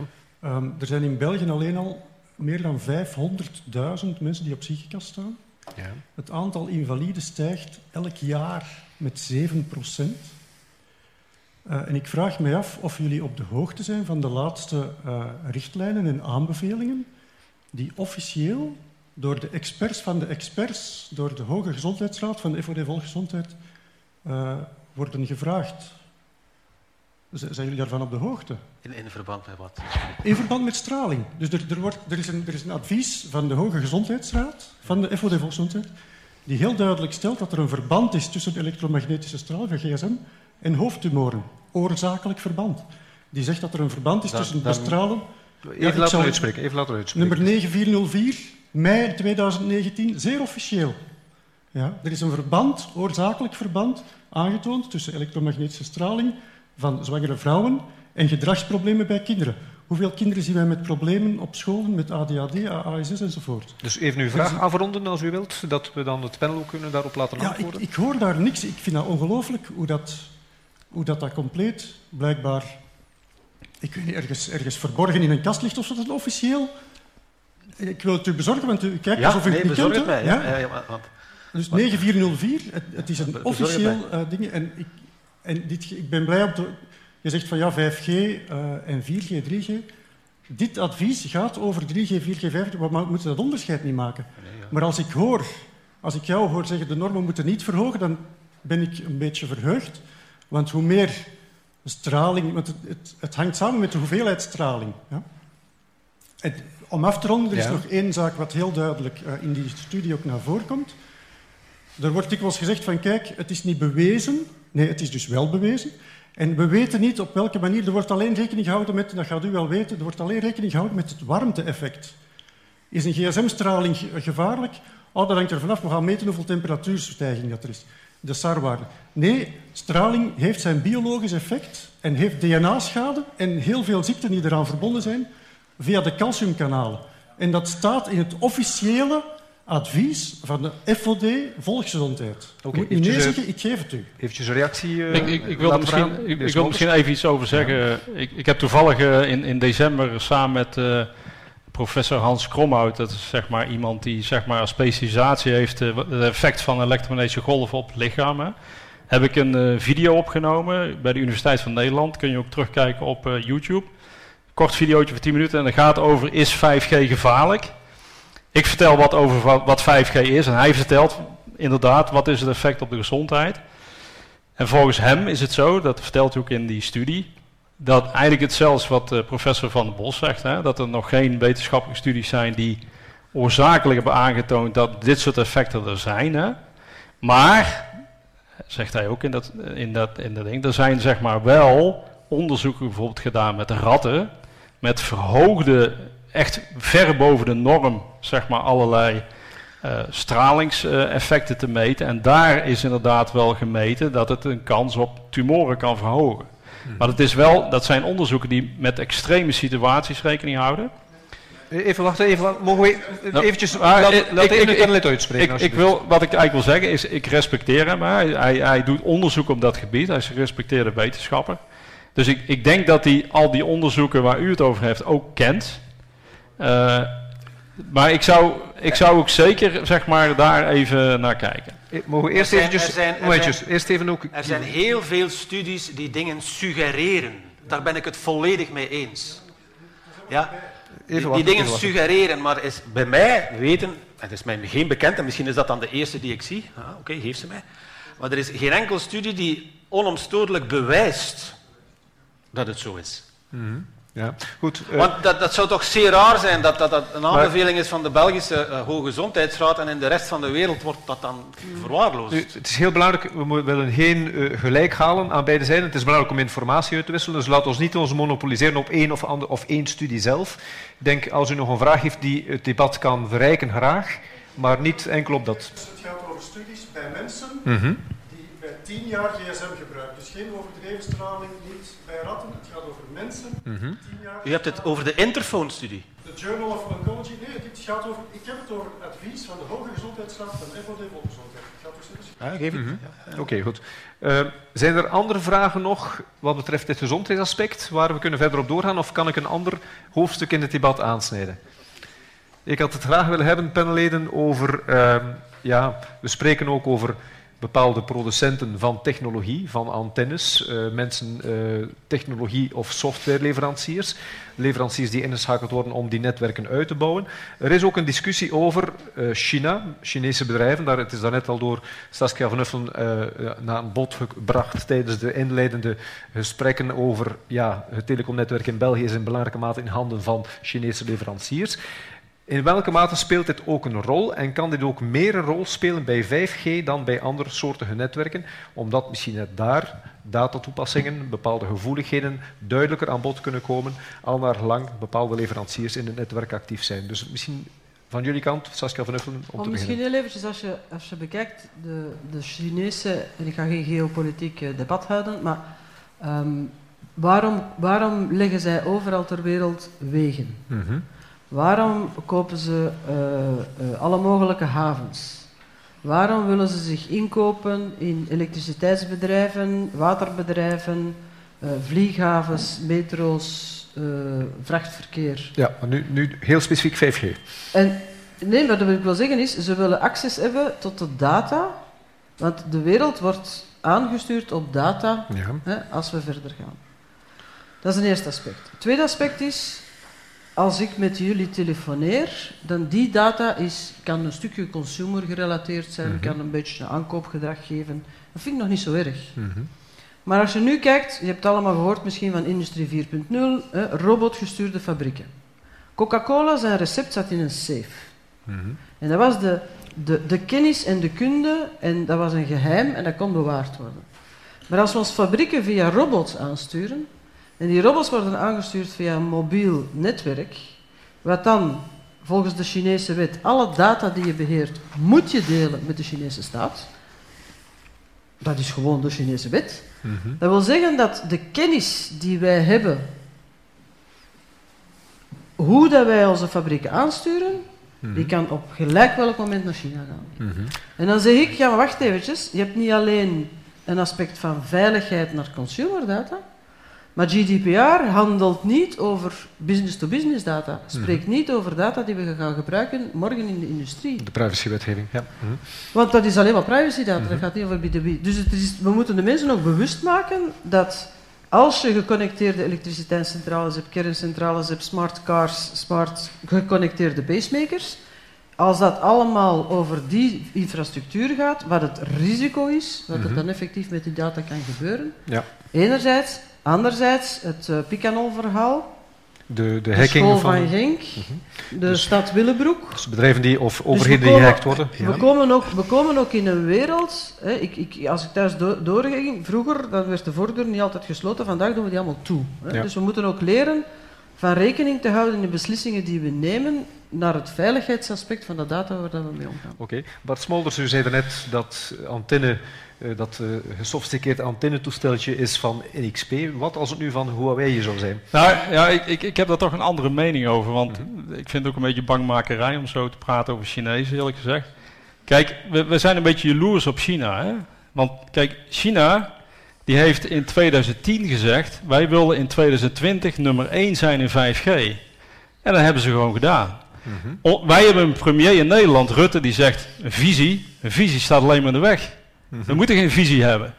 Maar als je in 2030 op 6G leidend wil zijn in de wereld, dan moet je daar nu mee beginnen. Dan had je er vijf jaar geleden misschien al mee moeten beginnen. Ja, maar dat kan u gelijk hebben. En- maar wat betreft Nee, het nee. Nu wil ik eigenlijk zeggen, Ja. kijk, China is gewoon heel succesvol Ja. in de 5G bijvoorbeeld. Mhm. China zal straks ook succesvol zijn in elek- elektrische auto's. Mhm.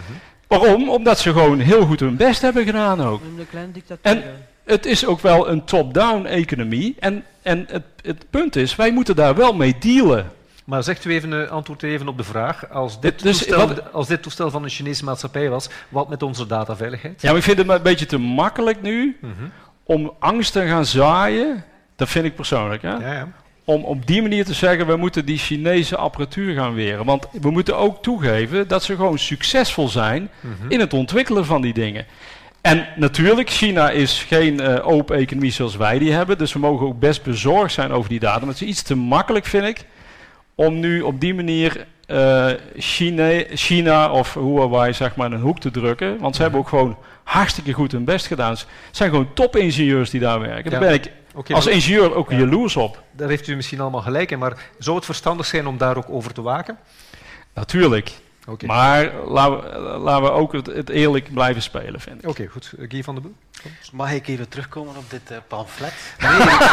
Nee, nee, u- ik, ik had u gevraagd, ik had u gevraagd, geef mij de studies. Maar wat u mij geeft, is een pamflet van eh, dus de pressure group, van de eh, stralingsarm Vlaanderen pressure group, waarin dingen geciteerd worden maar zo'n dingen, ja, ja, ik, ik, lees dat wel en kijk daar, maar ik kijk vooral naar de wetenschappelijke studies die in de wetenschappelijke literatuur zelf verschenen zijn.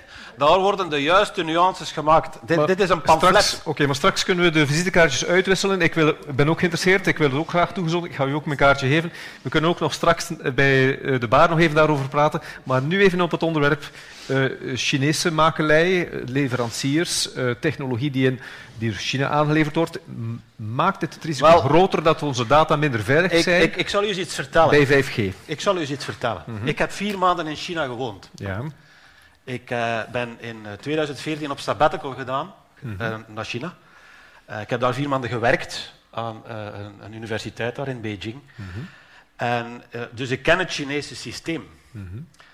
Het Chinese systeem is inderdaad een top-down systeem. Dat heeft voordelen in die zin, bijvoorbeeld, toen ik daar was, uh, dan ging de APEC-conferentie door. Dat is Asian Pacific uh, Economic en, en, nog iets. Mm -hmm. Al de wereldleiders kwamen. Poetin was daar, Obama was daar toen. En, en, de Chinezen besloten, ha, uh, ja, hier is vervuiling, luchtvervuiling. Ja, dat konden we toch niet maken als die wereldleiders komen. Dus we gaan maatregelen nemen. Mm -hmm. De helft van de industrie werd platgelegd. Ik kreeg een, een week vakantie op de universiteit. Ik heb ja. doorgewerkt, maar ik kreeg wel vakantie. Dus de universiteiten werden platgelegd. De helft van de auto's mag niet meer binnen in de stad. En inderdaad, na twee dagen, al die smog was weg. Ja, waarom houdt u dat voorbeeld aan? Ja, wel, dat is inderdaad zo. Dat, het is zo dat in het Chinese systeem, dat is top-down, dat beslist men iets en men doet het gewoon. Dus, dat, is, dat heeft ja. grote voordelen, maar ook grote nadelen. Ja. Ja?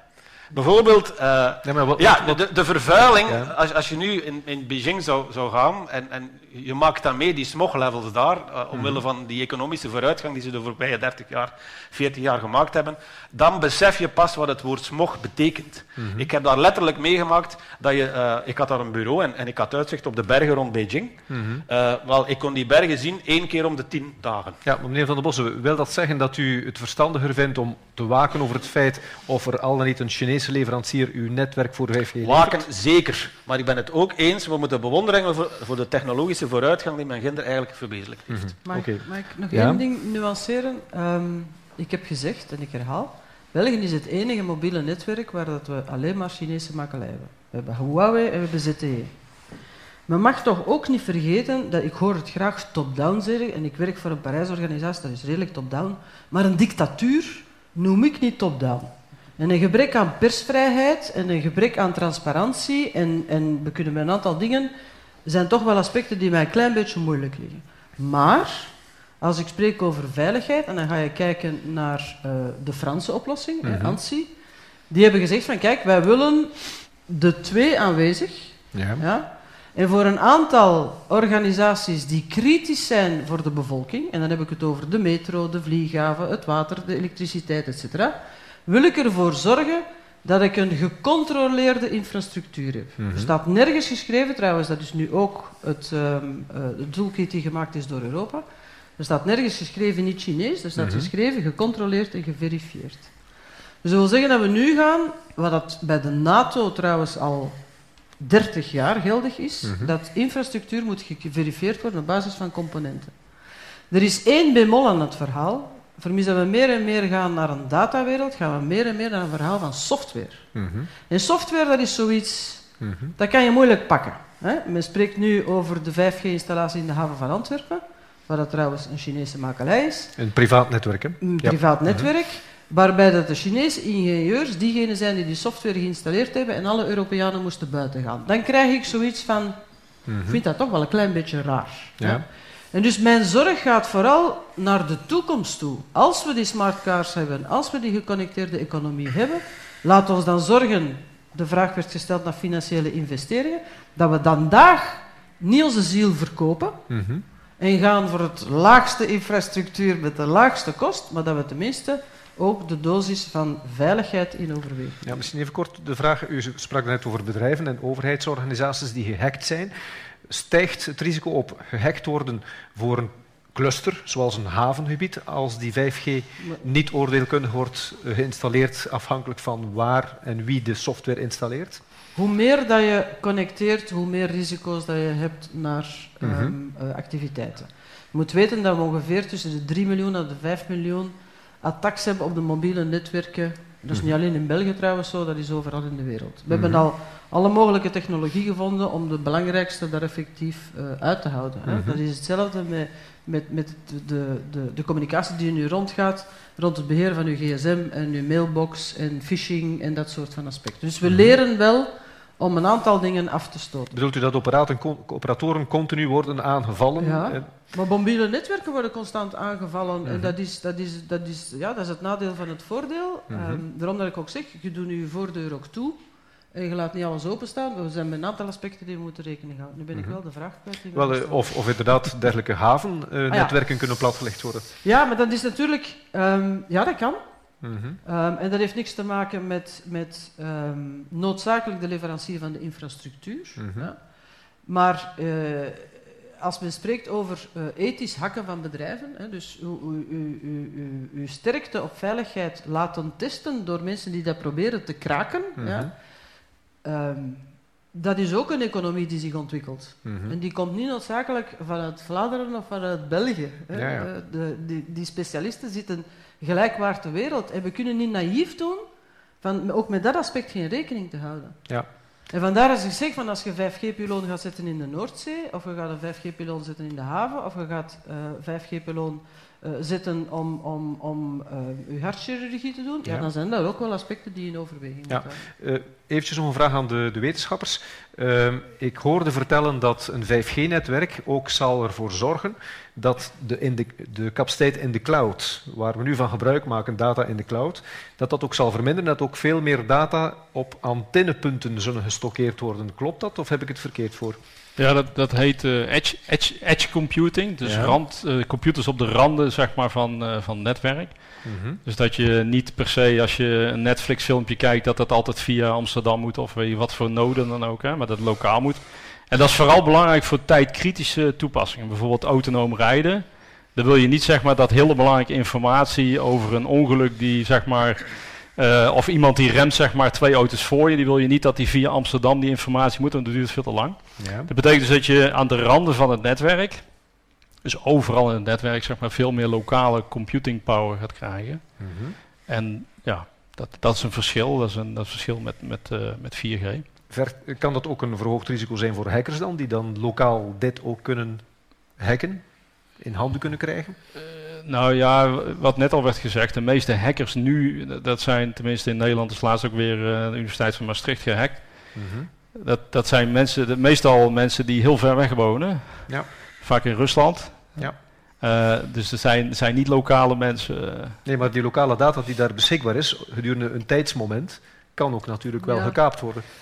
Maar dan is natuurlijk ook, je, je, hebt andere eh. technologie. Hè. Als je dan op effectief gaat zorgen dat je, je, je omkapseling is nu, hè, wordt gestuurd naar Amsterdam en, en dat is eigenlijk, die afstand is beschikbaar. Ja. We, kunnen daar, we kunnen daaraan.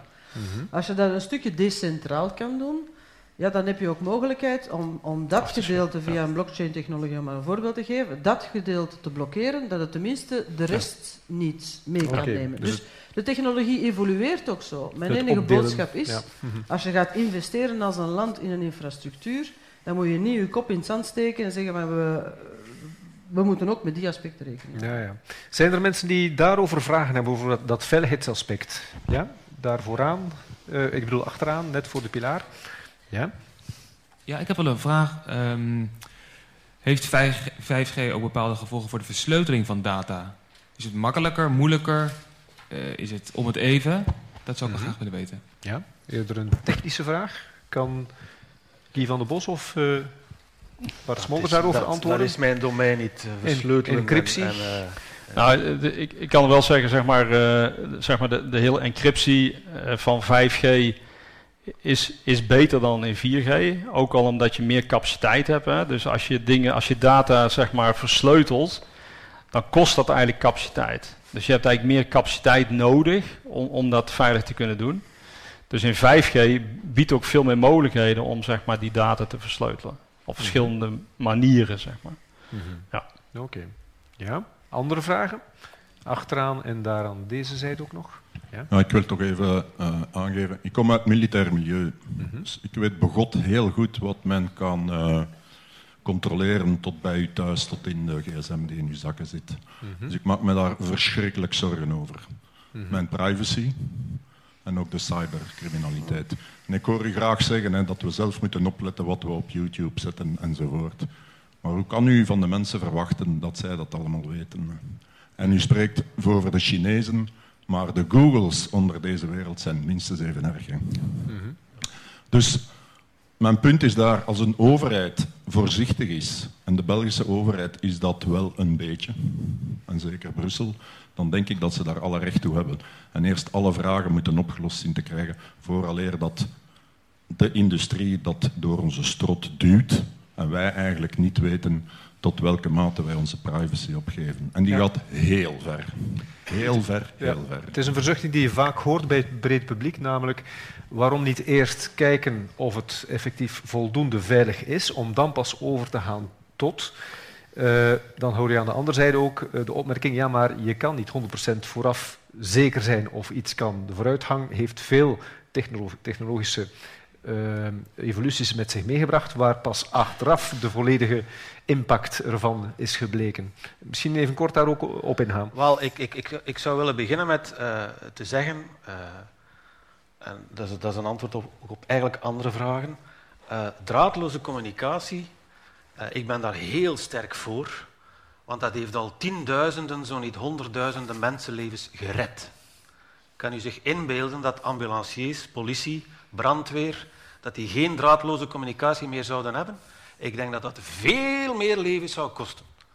Absoluut. Welk? Ja, maar ik heb het over draadloze communicatie in het algemeen. Hè. Ja, ik heb het over draadloze communicatie. Maar u wil eigenlijk zeggen dat technologische vooruitgang eh, een positieve keerzijde heeft die de mogelijke negatieve kanten ervan, die pas nadien misschien ook tot uiting komen, voldoende compenseren. Onder andere, ja. ja, ja, ja absolu- absoluut. Ja. Mhm. Vindt u dat ook, eh Bart Smolders? Ja, je kunt natuurlijk altijd op verschillende manieren eh, naar iets kijken. Hè. Ik, eh, ik, ik denk, eh, om de vraag terug te komen misschien over Google, eh, en eh, zeg maar dat mensen, ik denk dat mensen wel heel makkelijk hun, want Google bestaat bij de gratie voor een groot deel van dat mensen hun data gratis weggeven aan Google of aan andere platformen. Dus wij, wij, wij, wij zijn als, als mensen misschien nog, nog niet, de maatschappij nog niet zo goed opgevoed altijd van wat je wel en niet wil delen met dat soort. eh, en, we, en we realiseren ons niet dat we dingen dan ook echt weggeven. Dat het in feite eh, dan eh, ter beschikking is van dat platform en dat die daar dingen mee kunnen doen. Die kunnen dat doorverkopen aan, aan bedrijven die daar weer wat mee willen. Maar u begrijpt dus ook dat nu mensen Maar dat, voor- nee, mijn dat punt op daarvan ook mijn, zeggen dat mijn punt is 5G meer, dat heeft niks Ja. met 5G te maken, want dat kun je ook met een glasvezelkabel doen. Ja. Dan heb je helemaal geen draadloze communicatie voor nodig. Eh, dus dat is een heel ander aspect, vind ik. Mhm. Maar u begrijpt wel dat men ziet wat technologische evoluties met zich meebrengen, de schaduwzijde. U begrijpt ook wel dat dan de publieke opinie ook wel des te huiveriger is voor nieuwe technologische evoluties. Ja, maar dat, dat, dat bestaat al sinds de boekdrukkunst. Hè? Dat mensen tegen, of, of zeg maar, eh, misschien wel sceptisch staan tegenover dingen die ze nog niet kennen. En wat ook wel zo is, en dat realiseer ik me ook wel, dat je nooit precies weet wat ermee gedaan wordt. Want toen 4G werd geïntroduceerd, toen bestond er nog geen Netflix en zo. Hè? Nu, eh, niemand had toen kunnen bedenken, het is nog niet eens zo lang geleden, dat de jeugd tegenwoordig massaal, als ik bij ons op de universiteit kijk, dan zitten de, de meisjes zitten meestal aan Netflix te kijken en de jongens die zijn aan het gamen, want dat is de realiteit. Hè? Eh, Hadden we ons, eh, ons, ons vijf of zes jaar geleden, zo kort is het, niet, niet eens kunnen realiseren dat het zo massaal zou worden. Mhm. En wat 5G straks gaat brengen, we hebben het over die voorbeelden van eh, drones die, die pakketjes komen brengen en autonoom rijden, maar misschien wordt het wel heel iets anders. En dat geeft ook onzekerheid. Mhm. Eh, maar geeft ook heel erg grote kansen. Hè. Ik denk, je als maatschappij moet je meedoen. Je moet ook leren om daarmee om te gaan. En moet je ook leren om zeg maar, de negatieve dingen, om die misschien in wetgeving eh, te verankeren. Maar als je zegt van we doen niet mee en we doen de normen in Brussel op nul, nou dat zou, lijkt me geen goed idee. Ja? Maar dat is meer een advies. Ik denk dat, dat dat soort aspecten, dat, heeft- dat heeft te maken met technologische vooruitgang in het algemeen. Dat, dat is niet alleen voor 5G, dat is voor heel veel de dingen zo. Mhm. Dus dat is eigenlijk volgens mij een totaal andere discussie. Dus dan is dat een vraag van, wil de mensheid technologisch vooruitgaan of willen we dat niet? Dat is dan de fundamentele vraag. Maar dat heeft weinig met 5G op Nee, zich nee. te maken. vind Akkoord, ik. maar het speelt mee ook. Vooraan eh, hier nog een vraag. Ehm, ja, ehm, ik ben Nathalie van Ede en ik mis een beetje in heel dit debat de filosofische component. Want ik denk, eh, is de hoogste intelligentie van een maatschappij, is voor mij een maatschappij die ook de tijd neemt om stil te staan en te reflecteren, waar zijn we nu gekomen? Ja. Die, die technologische progressie is voor mij een menselijke achteruitgang, want het heeft ons tot eh, sociaal, asociale wezens gemaakt. Eh, mevrouw Van Uffelen beweert dat wij als maatschappij de digitale revolutie omarmd hebben, maar dat is niet zo. Want ik als kritisch wezen heb ook besloten om nooit een smartphone aan te schaffen. Mhm. En nu merk ik hoe, hoe, hoe asociaal, de, de, de, er is geen communicatie meer. Er, er zijn al eh, heel veel bewijzen van kleuters die, die geen expressie, geen mimiek meer hebben. Mensen praten niet meer met elkaar. En dus de vraag is, moeten wij eigenlijk draadloos, moeten wij in de ether of dus via... We kunnen ook gewoon alles via glasvezel en misschien eigenlijk terug leren leven. En misschien moeten we niet meer jobs creëren, maar juist minder werken, zodat we met de essentie kunnen bezig zijn, voor elkaar zorgen, voor de, voor de planeet en, en elkaar ontwikkelen, elkaar eh, allee, on- zich ontplooien. Dus Ja. dat is een beetje mijn vraag. Allee. Is, is, die, is dat mogelijk om effectief ook stil te staan en eh, afstand te nemen? Kunnen we dat ook van technologie? Ik ben het volledig met u eens. Eh, en ik pas dat ook toe op mezelf. Eh, ik ga niet zo ver dan u en ik heb wel een smartphone. Eh, maar ik gebruik die eigenlijk heel weinig. Ik gebruik die alleen om de voordelen die die biedt eh, ook te kunnen hebben. En die voordelen zijn er wel degelijk. Als er een echte noodsituatie is, of als er een zeer ongemakkelijke situatie is, als je bijvoorbeeld in pannen staat met uw wagen, dan is dat zeer aangenaam en nuttig om dat ook te hebben. Maar ik gebruik die bijvoorbeeld niet voor mijn werk. Ik gebruik die alleen voor zaken wanneer het echt nodig is. Eh, dat is één, dus ik, ik ben het persoonlijk volledig eens met u. Maar anderzijds, ik denk, we zijn uitzonderingen. Het, het was misschien interessant geweest om net de 35 studenten of 30 studenten die hier eh, gepland waren om aanwezig te zijn, om die hier te kunnen hebben. Want het, het kan het beste indelen dat ook generatiegebonden ervaringen daarin meespelen. Je hebt mensen die opgroeien met de nieuwe technologieën, je hebt de mensen die de nieuwe technologieën moeten leren kennen om die te kunnen gebruiken of die erdoor eh, beïnvloed worden. Dus dat kan ook meespelen, neem ik aan, leeftijdsgebonden Oh, ik heb, ervaring. eh, Ik heb ooit een boek geschreven over de vier generaties. Mhm. En het stukje dat, daar, het stukje dat daarin staat... ehm, je, hebt, je hebt oude boomers en, en, en, en, en je hebt oude generatie Y. Ik Mhm. denk dat dat te maken heeft met, met het individu. Mhm. En ehm, als ik zeg van als bedrijfsleider wil ik terug een balans creëren tussen welzijn en welvaart, is, is dat een stukje eh, wat daarmee te maken heeft. Omdat ik vind dat we ook die, die, die menselijke factor. Mhm. ehm, ik heb net gezegd, ik moet dat mijn kinderen ook leren van in een online wereld te leven. En ik heb ook alleen maar gezegd, wij hebben daar een rolmodelfunctie in van in dat aan te leren. Maar we kunnen niet meer met paard en kar rijden. En hetgeen wat we moeten vinden is, is ook daar een juiste balans ehm, tussen de voordelen. En ik zie enorm veel voordelen naar de maatschappij toe. Ja. Ik zie klimaatvoordelen, ik zie mobiliteitsvoordelen, ik zie gezondheidsvoordelen, ik zie sociale inclusie als voordeel. Maar hoe, hoe, hoe ga je die grens kunnen bewaken tussen het eh, echt menselijke en de menselijke vrijheid om, om, om deel te nemen of niet deel te nemen? Of daaraan... En ik denk dat we daar ook een verantwoordelijkheid en dat gewicht Mhm. terug, moeten, terug moeten zoeken. Ja. En vandaar dat je als je ehm, organisaties neemt, en, en dat kan in de politiek of in de academische wereld of in het bedrijfsleven zijn, die nog zeer sturend werken, quote, door de stop duwen, het werkt niet meer. De resultaten zijn er ook niet meer. Dus ook daar zitten we aan het, aan, aan, aan het einde van de rekker. We moeten wel, we moeten wel veranderen. Mhm. Maar we kunnen daar niet one size fits all voor maken. Er zijn, daar moeten we ook de vrijheid laten van de mensen die wel deel willen nemen aan een aantal evoluties en mensen die het niet willen. Dus ik denk dat het ook daar gaat over inclusiviteit en de diversiteit. Ja. Maar ik kan het niet stoppen. Mhm. Nee, maar ik denk inderdaad, eh, we hebben echt een heel breed panel. Ik moet, moet helaas, we zijn, het is kwart na negen, ik moet helaas afsluiten. Maar ik wil toch één iets wel iets meegeven. Er was een openheid van eh, argumentenuitwisseling.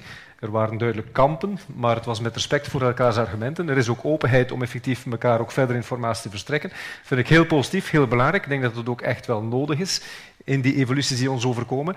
Er is ook een mogelijkheid om nadien nog een glaasje te drinken en wat na te praten, ook met de panelleden hier aanwezig. En ik wil ook echt het publiek, maar ook de panelleden bedanken. Saskia van Uffelen, Bart Smolders en Guy van den Bossen voor hun belangrijke en interessante bijdrage en jullie voor de interessante vragen. Dank je wel.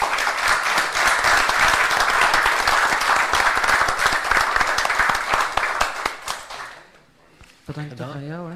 Ja, doe het. Uh, ik wilde graag de panelleden heel hartelijk danken voor hun komst en uh, voor het uh, zeer boeiende gesprek. En Piet voor het opnieuw vakkundig modereren van deze avond. En inderdaad, ik nodig jullie alle graag uit om een glaasje met ons te drinken en na te praten. En ik wil er graag op wijzen dat achter in de zaal boekhandel Passaporta staat met het boek van Saskia van Uffelen dat hier te koop is. Dus ehm, ik, laten we samen iets drinken en ik zie u graag binnenkort terug bij de buren. Dank u wel. Je luisterde naar een podcast van De Buren, het Vlaams-Nederlands Huis voor Cultuur en Debat. Benieuwd naar ons literaire aanbod? Luister dan ook naar radioboeken, citybooks en andere audioverhalen. Ontdek ons podiumprogramma en al onze digitale producties op www.deburen.eu.